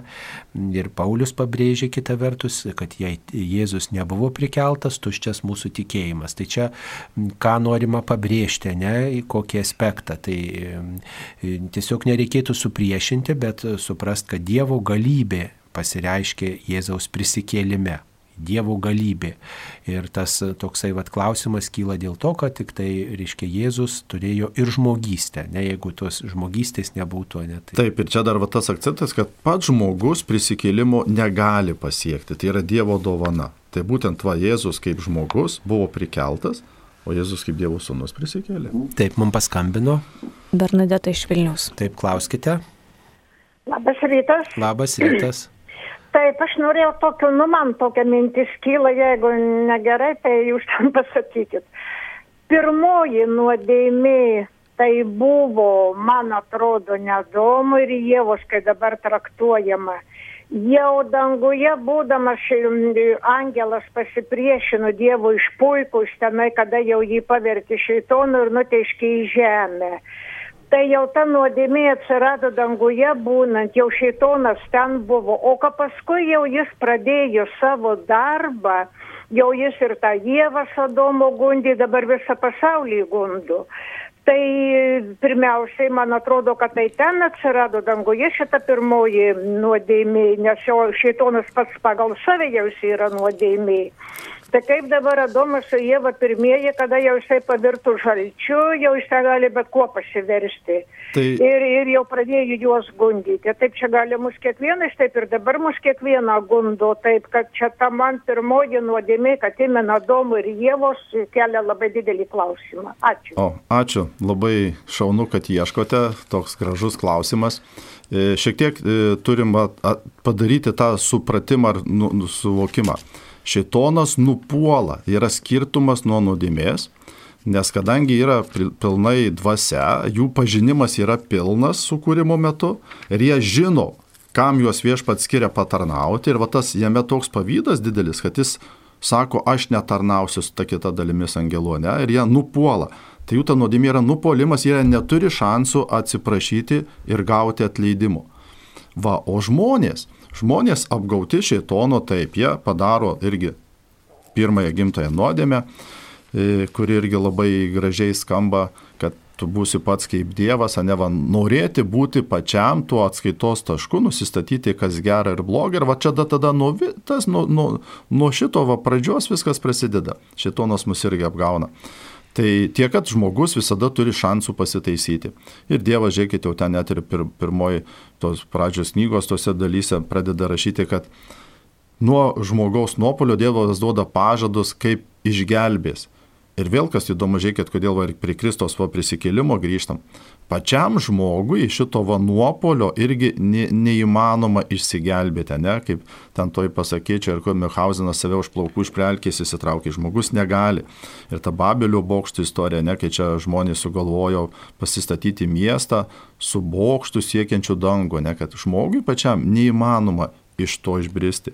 Ir tai yra Dievo malonė, tai Dievo begalinis gailestingumas, kur ateina per Dievo nuolankumą. Tai, tai va čia Taip, jūs teisi, pirmiau šitonas nusidėjo. Tiksliau įvyko jo tas nuopolis, ne? Ir paskui jisai dirba visą savo tą egzistenciją, kol jis egzistuoja. Reiškia, kad mus visus apgauti ir jo tikslas, nes tai yra pavydas žmonėms to, ką Dievas numatė, nes kaip ir šventame rašte sako, ne angelams Dievas pajungė ateities pasaulį, ne, bet žmogui. Ir Dievo sūnus ne dėl angelų atėjo, bet dėl žmonių. Ir mes tik tai sukurti pagal Dievo paveikslą ar panašumą ne angelai. Tai va tas angelo pavydas, nors jis atrodytų šviesi dvasia, graži, bet va tas pavydas jį taip pražudo ir jis dar darbuojasi, kad ir mes būtume pražudyti. Tai va tai yra skirtumas, kad anglas jau neturi šanso pasitaisyti, o mes vis dar turime. Ir turime būdėti kad reiškia mes išliktume Dievo vaikais. Taip reikia suprasti, kad mes žmonės esame ir čia kalbam apie žmonių pirmą nuodėmę, ne apie dvasios, nes e, Taip. e, šviesos angelas yra dvasia, neturi žmogiškos prigimties. Dabar padarysim pertrauką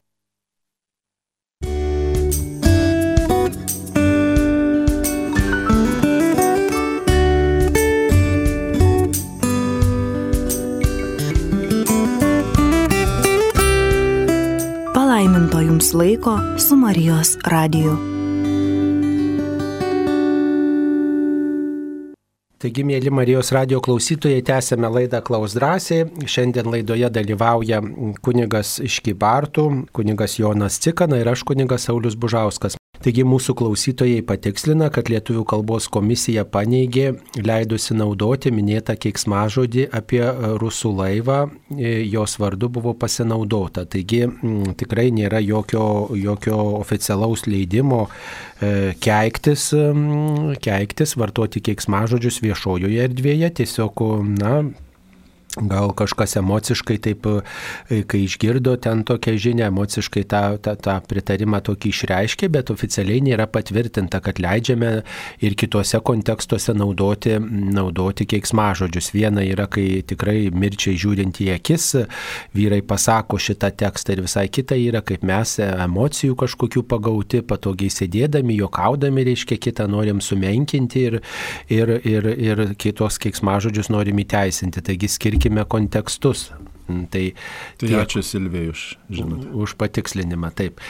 E, mirė sunus, save, savo kambaryje laikau jo nuotrauką. Atėję draugai pas mane duoda pastabą, kad nelaikyčiau, kad sūnui blogai. Kaip man elgtis? Tai čia burtai tiesiog mes, tam ir yra artimųjų nuotraukos albumai, kad mes prisimintume tai viskas tvarkoja, ten tiesiog žmonės nežinau, kokiu prisigalvoja marazmų, kaip, ar dar kaip čia juos pavadinti, tai nereaguoti tiesiog ir tam, kad e, tikrai sūnui būtų geriau ir jum būtų geriau, kaip sakant, tai jūs žiūrėdama į tą sūnų tiesiog pasimelskite, pasimelskite, sukalbėdama amžinatilsi e, ir išdrįskite dėkoti Dievui už tą sūnų, kad, kad tokį turėjot, kad jis atliko savo misiją. Ačiū tau Dieve, kad davėjai man šitą vaiką, jis tavo yra ir tau jį pavedu. Tiesiog, nu, Dievą kviestis į šitą netikti ir Dievui į tą žmogų pavesti. Tai tikrai tokiu būdu jūs jį, kaip sakyti, ir nuo savęs atrišite graušite ir tokiu būdu savo tikėjimą pasirinksite. Vien tik tai liūdėti, grauštis, verkti, tai žinoma, kad skaudina žmogų, emocijose labai uždaro, bet vat, tikėjimą įsileisti į šitą netektį, Dievui tą žmogų pavesti, tai jau yra palengvinimas jums ir pagalba tam vaikui, kuris iškeliavo pirmą jūsų jam žinybę dėl, dėl neaiškių priežasčių. Taip, dabar dar žiūrim, kokios mums žinutės yra atsiustos. E, Senajam testamente yra Esteros knyga, noriu pasidomėti, ką norime pasakyti, e, pamokyti šioje knygoje ir kaip tinkamai jos išminti priimti.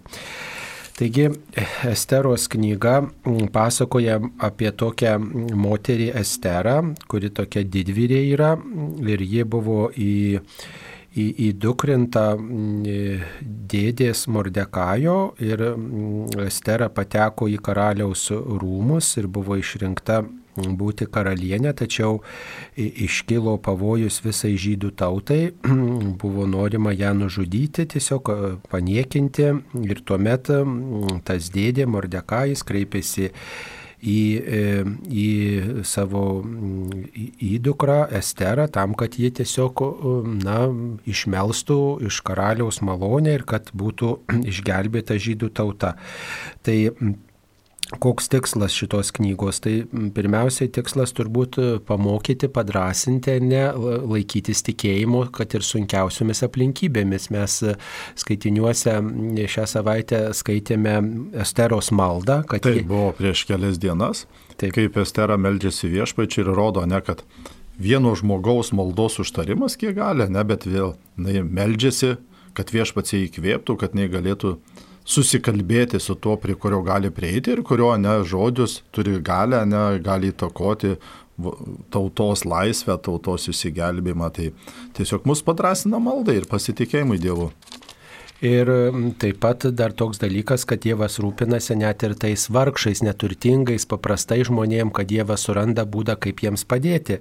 E, svarbiausia turbūt nenusiminti ir e, prisiminti, kad viešpats rūpinasi silpnaisiais. Aišku, e, čia turbūt galima išvesti aluziją ir kartu tam tikrą sugretinimą padaryti su Marijos magnifikat gesme, kurioje ji išlovina viešpati, kad Dievas tiesiog tuos išpuikelius ir, ir tiesiog tuos didžiūnus nuverčia nuo sostų ir išaukština mažuosius. Tai e, panašią temą ir ši knyga puoselėja.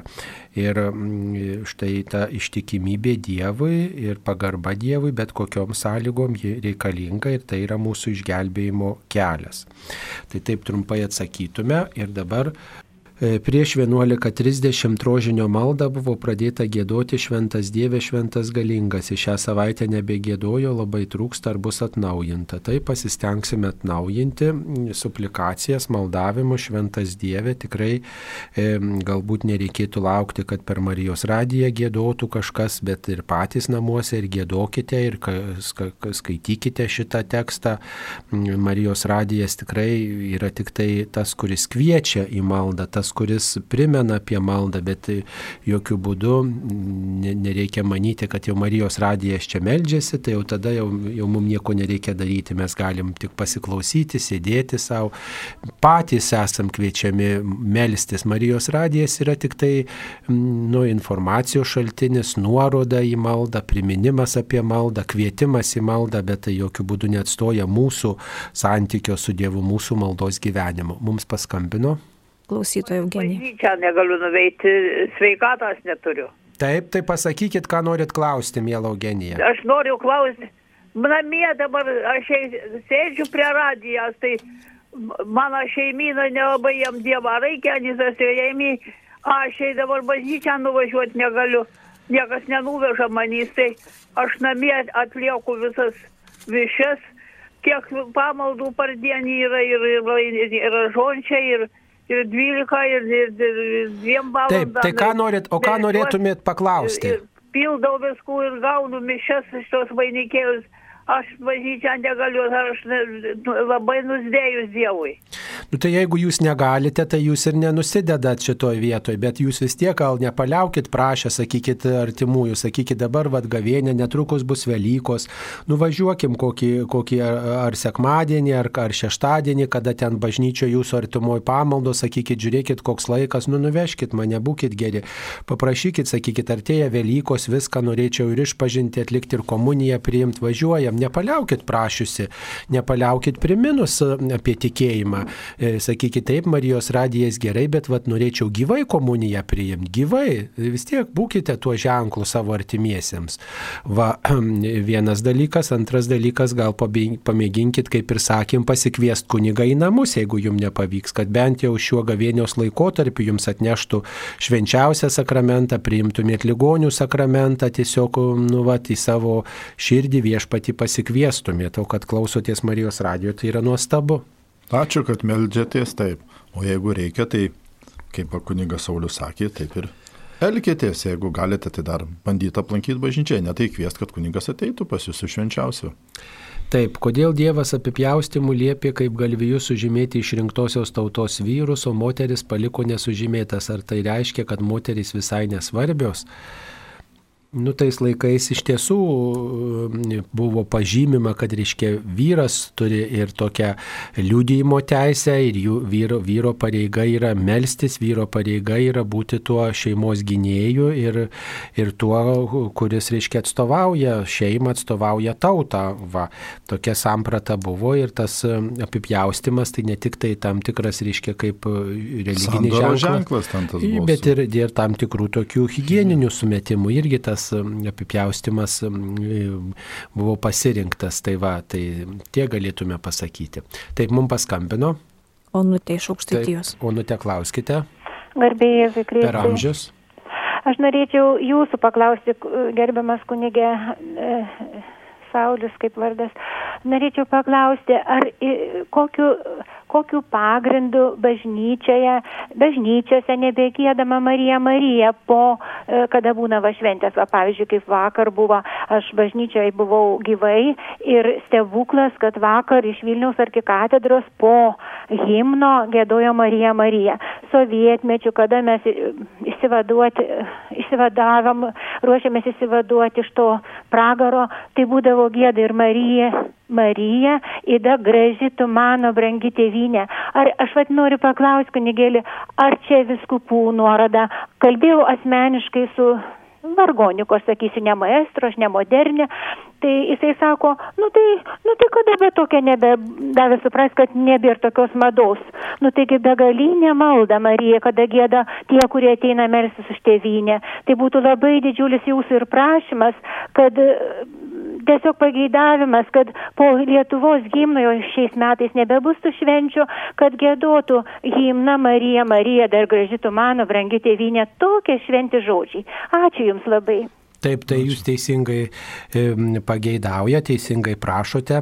Šiaip tai Marija, Marija gėdama bažnyčioje ir ypatingai vat, palydint mirusius po viešpaties angelo maldo žmonės mėgsta gėdoti ir paprašo, kad gėdoriai pagėdotų, jeigu patys nemoka Marija, Marija maldą. Tai giesmė. Tai, o, o, o kad negėdoti, tai tikrai kažkokių pareidimų tokių nėra. Čia tiesiog žmonės patys atprato, nes viskas gerai ir tiesiog nesišaukia Marijos Marijos pagalbos arba gal žiūri į šitą giesmę kaip liūdną, kaip tokią. Ir gal... taip visi labai skuba. Va, pavyzdžiui, kaip ir būna jau kunigas palaimino žmonės, dar yra vadinama ta pabaigos giesmė, bet jau pusė žmonių išbėga iš bažnyčios, tai suprantat, gal net ir negirdit, vėliau dar ten ir pasilikę ar pagėda vieną kitą giesmę, tai tiesiog nuostabios giesmės jos yra gėdamos, nėra išimtos, tik tai, ne va tų progų gal nepasitaiko, ar mes kažkokiu kitu pakeičiam, nes giesmės irgi jos yra augančios. vis sukuriama visais laikmečiais vis po naują giesmę, tai yra tų maldų ir giesmių daugiau visokių. Taip, mums paskambino. Marija iš biržų. Taip, klauskite. Garbėzui Kristui. Per amžius. Norėčiau paklausti, aš seniai galvoju, žinot, mes tie vadinamieji normalūs žmonės labai smerkiam tuos, kurie e, ištvirkauja vyrai su vyrai, moteris su moterim, e, tie gėjai vadinamieji. Bet sakykit, ar turi teisę jais piktintis tie, kurie nesusituokia gyvena? Argi ne ta pati paleistuvystės nuodėmė gyventi nesusituokus, negu vyrui su vyru, moterim su moterim? Koks čia skirtumas? Ir man atrodo, neturi teisės šitie iš viso pulti tų žmonių, e, reiškia, tyčiotis, kad jie ten, e, kaip ten elgesi, bet juk nesantokoje gyventi be bažnytinio palaiminimo, juk irgi lygiai tas pats. Tai aš norėčiau paklausti, ar čia yra kiek nors švelnesnė nuodėmė, ar čia lygiai tokia pat.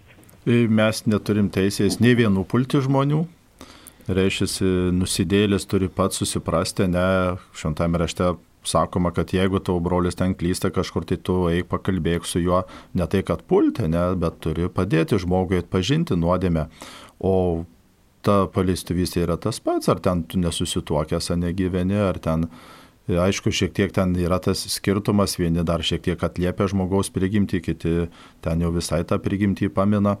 E, nuodėmė yra nuodėmė, tai tiesiog viešpas mus kviečia, kad va, kaip ir bažnyčia sako, ne, mes nesmerkiam žmogaus, bet mes įvardinam nuodėmę, ne, ir nuodėmė turi būti šalinama, tai mūsų visas reikalas buvo bendrauti, melstis, kad žmogus suklydęs tą nuodėmę pašalintų. Taip, tai taip ir stenkimės elgtis. Dar vienas klausimas, gal Maskvos Kirilas gerai papirktas Kremliaus, kad pritarė karui. Mes per tave matėm ir girdėjom. Na tai jeigu matėt ir girdėjo, tai ką dabar mes nei paneigsim, nei patvirtinsim. Neturim duomenų, bet karui tikrai mes nepritarėme ir, ir melžiamės už taiką ir tikrai mm, apie kažkokius papirkimus nieko negalime pasakyti.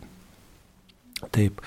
E, gal šiame kare yra indėlis kiekvieno priklausomai nuo to, ar nešėme santarvę ir taiką, ar gyvenom neapykantą ir kerštų net artimiausiems žmonėms. Taip, iš tiesų, nuo mūsų priklauso, na, vat, karo bent jau mūsų širdytas mastelis turbūt kiek mes, kaip mes elgiamės vieni su kitais, ar ne, tai irgi karas yra, kai mes niekinam kitą, smerkiam, žeminam, tai tik tai be ginklų arba kiti ginklai yra įmami. Priklausom žmonijai, esam žmonijos nariai, bendruomenės nariai, ne, arba kaip aš gyvenu, kiek mano viduje ne, yra ramybės, taikos, gėrio, darybių ir kiek yra nuodėmių, ne pykčio ar karo, nu, tai vėl visa tai atsispindi tada visuomenėje, o visuomenė paskui atspindi va tokiais net akibrokštais.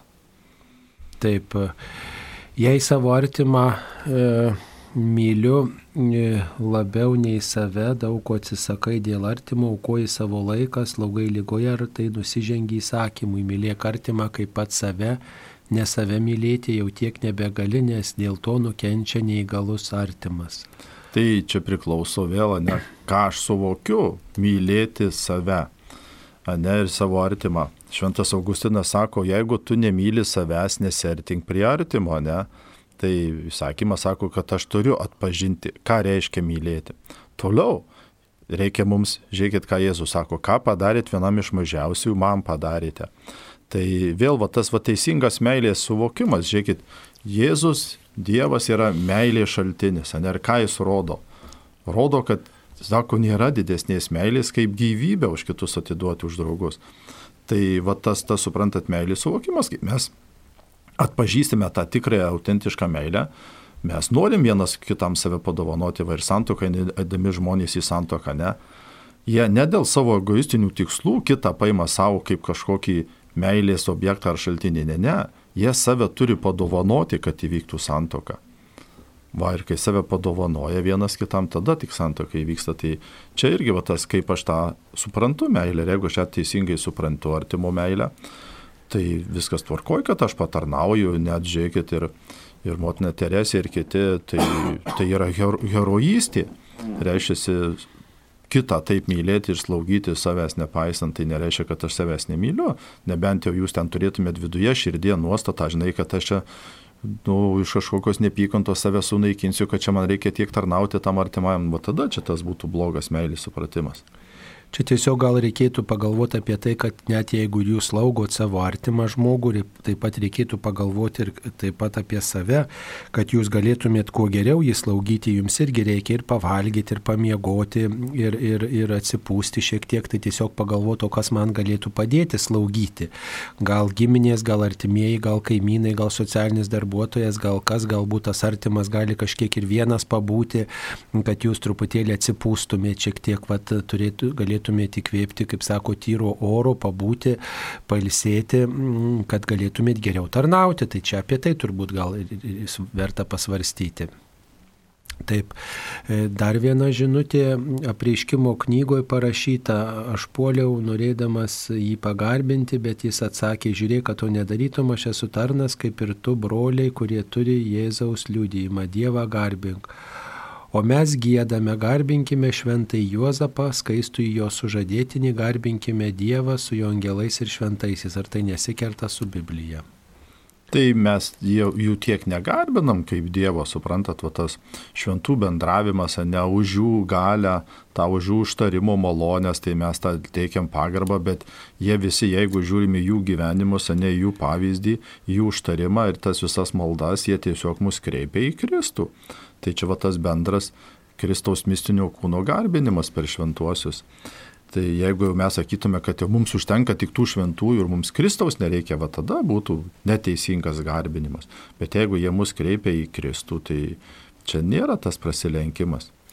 Na, nu, aišku, jeigu taip jau žiūrint pažodžiui, gal reikėtų to giesmiai pataisyti. Nu, Gerbkime šventąjį Juozapą, kad jau nekliūtų, bet kadangi tie, kurie kadaise kūrė šitą e, maldą, liaudės tiesiog čia turbūt tokia tradicija buvo e, ta giesmė sukurta, liaudės tradicijos puoselėtojų, tai, e, tai tiesiog ne, ne, jie matyti to klausimo nekėlė ir tiesiog jiems atrodo Dievas garbinamas labiausiai, o tie visi kiti, kas yra gerbiami arba pagarbinami, tai tai reiškia Dievą juose pagerbėme arba padėkojam už tuos žmonės. Tai e, tiesiog mes, kai gėdam šitus e, žodžius, e, garbinkime šventai Juozapą gesmė, tai tikrai m, turim galvoj, kad e, jis neužstoja garbės neužstoja. Dievui, bet kaip tik tai mus kreipia e, į Dievą ir kaip tik tai tokiu būdu kviečia padėkoti Juozapui, kad jis prisidėjo prie Jėzaus globos ir, ir kad mes tiesiog garbinam Dievą Juozapo gyvenime, kad štai tai Dievas davė jėgų Juozapui atsiliepti ir globoti šventąją šeiminėlę. Tai,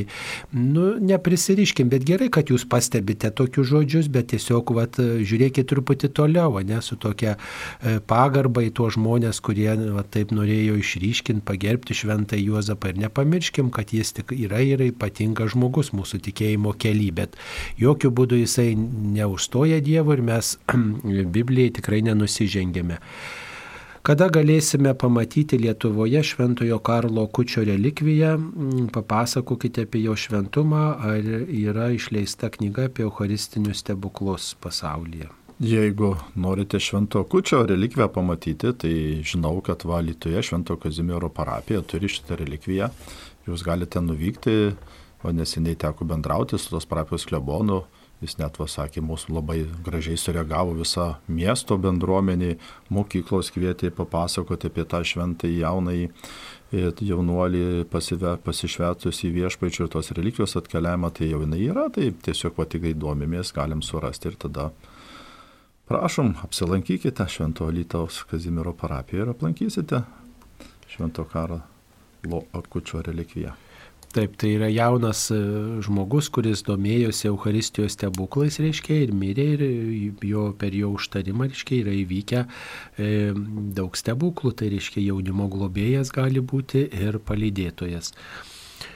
E, taip, e, iš Dievo malonės buvau piligriminiai kelioniai Medžiugorėje, tomis dienomis liūdėjo, kad švent švenčiausioji motinėlė prašo melstis už Rusiją ir priminė, kad Balkanuose brolžudiškas karas įvyko dėl didelio keiksmažodžių vartojimo ir keikdamiesi neprakeikėme vieni kitų. Tai jau šitą temą aptarėm ir mes prakalbėjom, kad nesikeikime, laiminame ir melžiamės. Taip, ir kiksmažodis tikrai yra blogio linkėjimas ir vertėtų pagalvoti, kokiais kitais žodžiais verčiau pakeisti e, mano emocinį, taip sakant, emocijų išraišką, tokį emocinį sutrikimą, e, tam tikrą tokį pliūpsnį emocijų, ne, galbūt tikrai nereikėtų keikti, niekinti kito žmogaus, bet, bet kažką kaip tik tai linksmo, humoristinio sugalvoti, kas irgi neblogai išreikštų. Arba imti iš švento rašto, va, kaip švent, pavyzdžiui, šventieji, ne diakonas Tepanas, Jėzus ant kryžiaus, ne viešpatė pasigailėk jų, viešpatė nepaskaityk jų nuodėmės. Tai tiesiog va tokias trumpas irgi vėl kaip strėlinės užtarimo maldas už kitą galime irgi melstis. Tai, Bet jeigu, tai pavyzdžiui, tave užknisa, kaip sakoma, kažkas tiek tave išnervuoja, kaip sakoma, sunervina tave, vis lenda, vis tavo aiškina kažką, viską, tai žmogus va, pasiunčia tiesiog trim raidėm tą žmogų. Tai jis sako, aš taip jau emociškai jaučiuosi išsivadavęs nuo tokio ir kitą pastato į vietą. Tai gal pasakyti. Nu, tai yra lietuviškų iš tiktukų ir šauktukų visai kitokių, tai tiesiog susiraskim juos mūsų žodinėlėje. Čia reikėtų kūrybingumo tokio, kaip taip, nuo įkyraus žmogaus e, tiesiog atsi, atsi, e, atsitolti ir, ir tiesiog ir atsitolinti ir tiesiog kaip man savo emocijas išreikšti, nes kartais atrodo mums švento rašto žodžiai tokie pamaldus labai viską, jie, jie, jiems stinga tokios emocinės išraiškos. Nors pavyzdžiui, Paulius yra irgi, kaip sakant, jau privestas prie tokios ribos, kad irgi yra į tokių ir ištiktukų ir linkėjimų pasakęs. Tai, tai, tai tiesiog žinom, kad ir čia yra labai žmogiška, bet vis dėlto keiksmažodžius tikrai vartoti tai reiškia blogo linkėti. Taip, ir dar panašus klausimas, mano garbaus amžiaus mama tiki mudromis, apie kurias sužinojo iš draugės, kaip prastai jaučiasi, laiko tam tikras pirštų kombinacijas. Manau, psichologiškai tai padeda nurimti, bet kaip aš galėčiau paaiškinti, kad tai nesuderinama su krikščionišku tikėjimu. Nu tai mūsų kūnas kaip biologija, ne, yra toksai biocheminis, tai jis turi įvairių taškų. Žiūrėkit, kai mes einame į sanatoriją, ne, tai ten mums vieną vietą ten masažuoja, kitą vietą ten, ten vieną vietą šildo, kitą vietą tepalų tepa, tai jis yra toksai, vėl, ką, ką reiškia ne va tas, ar tai jau yra kaip magija, kaip burtas ir aš kažką įvaldysiu, ar tiesiog net pažįstu ir mes kartais daug dalykų darom spontaniškai.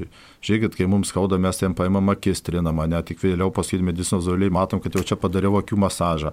Ar dar kažką, tai mūsų net pati, pati kūno biologija, jinai turi tokių dalykų, kur mes net jų pilnai neįvardydami, kad tai yra vienoks ar kitoks čia kažkoks gestas, kuris priskiriamas kažkam, mes juos darome. Tai, tai yra natūralu, Dievo mums tai duota, Bet jeigu jau mes pradedam ten sureikšminti ir ten žinot, kad ten jau, jau gal ten kažkur vėl kas ta mudra, aš net ne, ne, ne visai suprantu, kas tai per iškinys, bet turbūt kažkas iš rytų kažkokios ten tos religijos, filosofijos, tai žinot, jau reiktų tada žiūrėti, iš kur ten ateina, gal ten kokia dievybė kažką pasakė, gal ten tašką kokį nurodė, tai suprantat, ar vėl tas piršto kombinacija, ką ten reiškia, ar ten simboliai kažkokie aš sudedu, ne kaip yra tų ir visokių nešvankių tų pirštų kombinacijų iš simbolių, tai, nu, visur reikia atsargiai, suprantat, tai tiesiog žiūrėti, jeigu reikia, tai reikia, aš ten tą kažkokie ne judesį darau, ar ten užspaudžiu, kai ten žaizda kraujuoja, neužspaudžiam, kad nebėgtų, tai o visa kita ne, neperlinkim lasdos.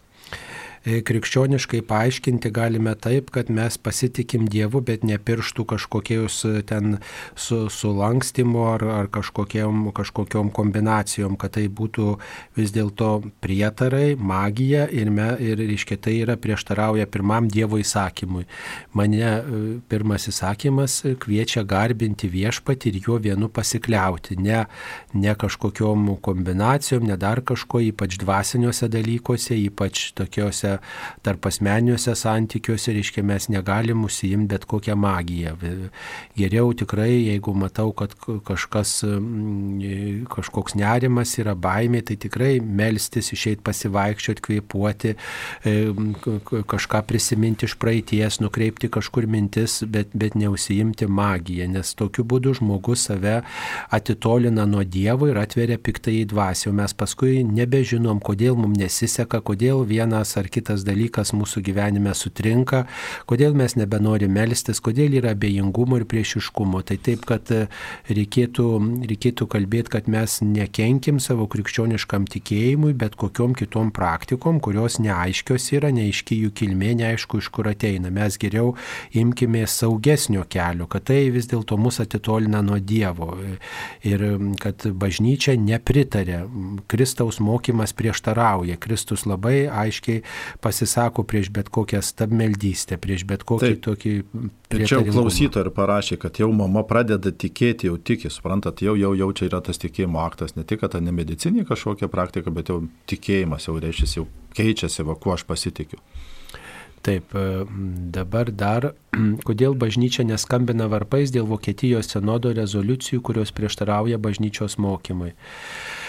E, na tai manom, kad vyksta diskusijos, vyksta svarstymai, tikrai kiek turime žinių, tai nėra tylima, o kad jeigu taip e, turit galvoj, kad oficialiai bažnyčia skambins varpais, tai, na, žinot, to sumaišties ir taip yra daug, reikia tiesiog kalbėtis, kalbėtis klausti apie pozicijas, nagrinėti priežastis, svarstyti, ieškoti išeičių, bet tas triukšmo kelimas, garsinimas ne visada jisai e, teisingas yra kelias. Manau, kad dar čia irgi, žinot, daug, daug žiniaslaida ten perlenkia lasdų, neįsiklauso, dar yra, dar tik tai vyksta sinodinis kelias. Tai reiškia, tų nuomonių, minčių dar jos tik tai renkamos, tai jų gali dar būti daugiau, dar čia Vėliau tik praeis ten tų visokių, kaip jau susės diskutuoti, dar ieškoti to. Tai tiesiog čia tik nuomonės įsakymas, tai dar čia nėra ko mums e, varpų taip, skambinti. Triukšmauti. E, dabar taip. E, ar Debora biblinė asmenybė, jei taip, kodėl knygos apie ją nėra Biblijoje? Tai Debora yra vienintelė moteris iš Izraelio teisėjų ir Apie ją skaitome teisėjų knygoje, žodžiu, apie jos veiklą, kai ji e, liepė karvedžiui vesti kariuomenę, kuri tiesiog buvo Kanano kariuomenė ir tiesiog tam, kad nugalėtų, įveiktų. Ir jinai tikrai e, drąsino ir stiprino karius, kad jie pasitikėtų Dievu ir laimėtų. Ir ta e, karvedžio, e, jos paskatinto karvedžio, paraginto karvedžio barako vedama kariuomenė iškovojo pergalę prieš kananiečius. Tai apie tai galite paskaityti teisėjų knygoje. Mums paskambino. Klausytoja Birutė. Tai Birutė, klauskite. Labą, labą dieną. Labą dieną. Čia trukdo jūs Birutė iš Utenos. Labai malonu, Birutė, klausome. Ačiū.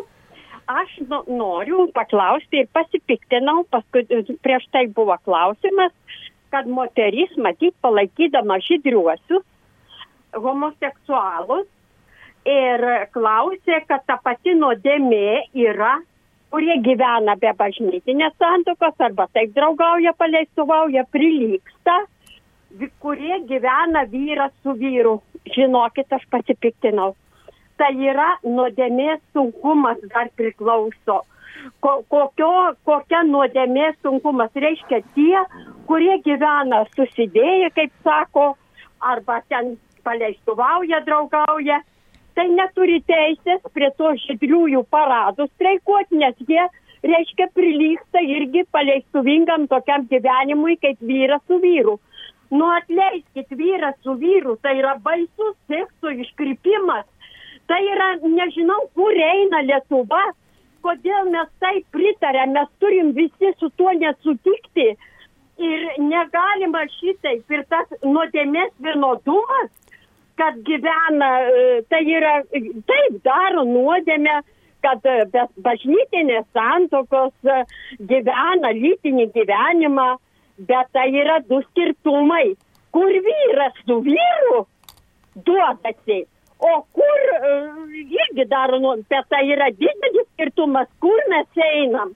Tai va, aš dėl to pasipiktinau. Vienai matyti išreiškia tą klausimą, užstodama žydriuosius. Aš irgi nepuldinėju jų, aš jų ne, ne, nesmerkiu, nešaukiu, nekeikiu, bet šitaip toleruoti negalima. labai nepasiduokite pasipiktinimui. Matot, reiktų tikrai lengvai, kad mūsų neišmuštų nei kito žmogaus nuodėmės iš pusiausvyros, nei mes užsikrėstume niekinimu, menkinimu kito žmogaus. Nuodėmė yra nuodėmė ir žiūrėkim, kad patys nesusiteptume tą ar kitą nuodėmę.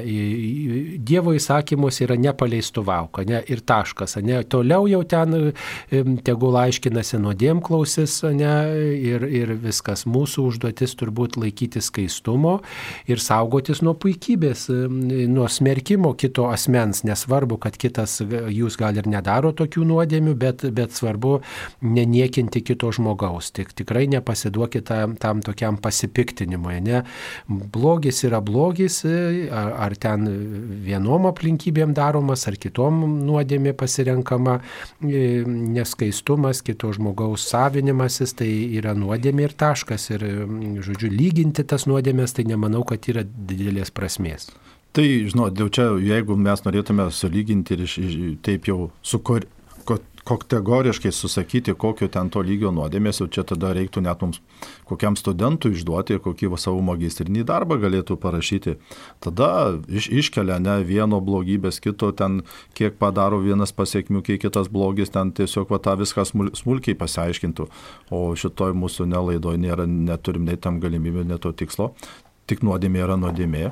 Aišku, vėl ten kažkokią nuodėmę bandyti kitą, ne su, su, su, tarsi suniveliuoti, padaryti, ne kaip pasaulis daro, tai jau čia gal tradicija, jau čia gal tada to nėra blogo. Tai, tai ne, tik tai vėl mes irgi tada turim atpažinti, ne, irgi turit atpažinti ir savo emociją, ne va kodėl tas pyktis tada taip sukyla, kiek jis tada pasireiškia, ar jis perėna jums paskui į maldą ar smerkimą, tai va, va irgi, suprantat, piktasis jis yra gudras labai, gali atnešti va tokį mums pas, pas, pas, klausimuką, o paskui ne, ne, net mus pačius įtraukti nuodėmę. Tai, tai va turime būdėti, nes irgi nuodėmė yra nuodėmė visur.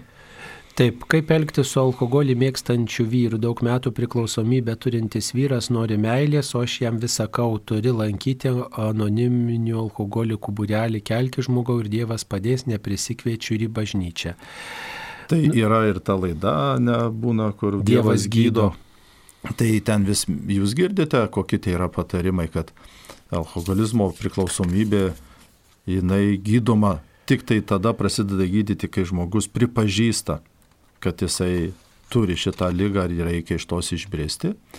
Ir ten yra tie patarimai ir artimiesiems, ne kad kartais mes per daug sako, va, kiek jūs girdėjau tose laidose, mes tų pagalbių per daug pridedam tiem, kurie vartoja tą alkoholį, ne ten už juos kažką vis suglaistum, suglaistum ir žmonės vis galvoja, kad čia yra normali gyvenimo būsena tokia. Tai vėl, žinot, vėl žmogus dėl ko pradeda gerti, tai irgi yra tam tikros priežastys, ten labai nedaug, ne iš tos malsumo jaunuoliai iš karto paragavę tampa alkoholikais, tai yra dėl kažko, kodėl žmogui pradeda tas patikti, ar ko nori tą numarinti ir taip toliau, tai tų priežasčių daug įvairių. Tai aišku, melstis tai yra kryžius ir Mes nežinom, kada tas žmogus, nes ten veikia jo laisva valia, tada Dievo malonė, ne, bet irgi vad vėl Dievas atsimuša iš žmogaus laisvą valią ir kartais būna, kad žmogus net ir nenustoja gerti, ne, ir ten mes tada jį tik kaip kryželį nešam. Ar vykstantis žiaurus karas nėra velnio karalystės pergalė prieš Dievo karalystę? Tai tikrai ne tik tai, kad parodymas, kad Velnio karalystė dar vis turi galios žmonių širdyse, tai taip.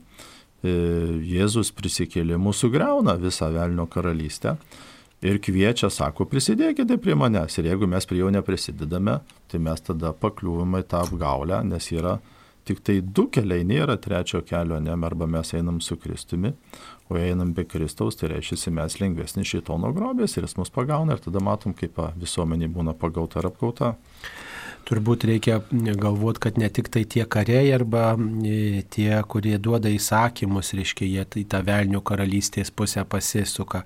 Mes, kai užsidegam neapykantą, priešiškumu, smerkimu, tokiu e, blogio linkėjimu, nemailę, puikybę, mes irgi atsigrėžiam į, į, į velnio karalystę. Tada irgi velnio karalystė mumise laimi. Tai e, tik skirtumas, reiškia, e, tos, tos formos, ne?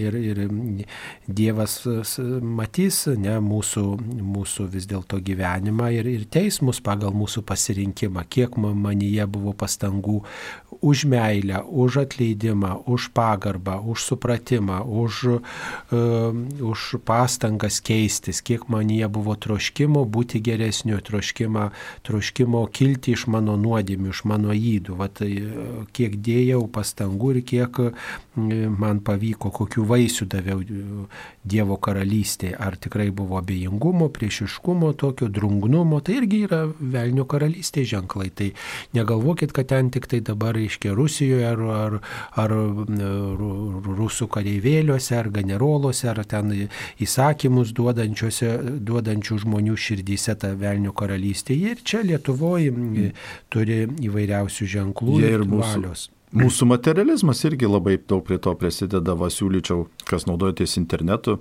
galite YouTube suvesti Hermanas Šulcas, ne mūsų lietuvis kunigas misionierius Afrikoje ir yra kelios jo konferencijos labai, ne va kaip tas materializmas, ne kartais gali net sekinti kitus žmonės Afrikoje, tai va to tokia galit pasidaryti. Ir tada va tas karas būtent irgi va kiekvieno žmogaus viduje kaip aš žiūriu į pasaulį, ką aš iškeliu į pirmą vietą, va, ką aš viduje laimiu ir kaip laimiu, tada taip atrodo ir mūsų pasaulis. E, ir dar vienas klausimas, ar krikščioniška rusų stačiatikio Kirilo pozicija karo atžvilgiu? Žinoma, jeigu yra karas pateisinamas arba to karo kažkokie yra geri motyvai iškeliami, tai žinoma, ta nėra pozicija e, pateisinama tiek, kiek mus pasiekė ta informacija, kiek mes iš visuomenės informavimo priemonių žinome, kad tai tikrai e, nėra teisinga pozicija pateisinti karą ar pagrysti kažkokiu, kažkokiu gėriu. E, aišku, kad tai prieštarauja krikščionybei, krikščioniškai minčiai, bet žinot, kad tą krikščionišką mokymą tiesiog kaip paklodė gali daugelis žmonių turbūt labai įvairiai, skirtingai interpretuoti ir į savo pusę pagrysti ir ne visada tai yra ta Kristaus dvasia, tas autentiškas Kristaus mokymas, kokį Kristus paliko savo paštalams. Taip, tai tiek suspėjome atsakyti į jūsų atsiustus klausimus. Ačiū visiems klausiusiems, klausiusiems mūsų ir ačiū kunigui Jonui Cikanai iš Kibartų atvykusiam čia pas mus į laidą. Ačiū Jonai, tai laimina viešpats jūsų parapiją ir jūsų darbus. Tikrai visiems taikos ir kviečiame melstis rožinio maldą ir gyvai dalyvauti šventose mišiuose bažnyčioje, e, parapijos bažnyčioje ar ten, kur jums patogiau, tam, kad mes tikrai išreikštume savo tikėjimą, kovotume savo širdies kovas už gėrį, už Dievo karalystę ir kad mes prisidėtume, kaip galime, kad padėtume Ukraino žmonėms išsaugoti taiką. Ačiū, būkite palaiminti su Dievu. Tai ačiū visiems ir kaip viešpats sako, ieškokite Dievo karalystės pirmiausia, visa kita bus pridėta. Su Dievu.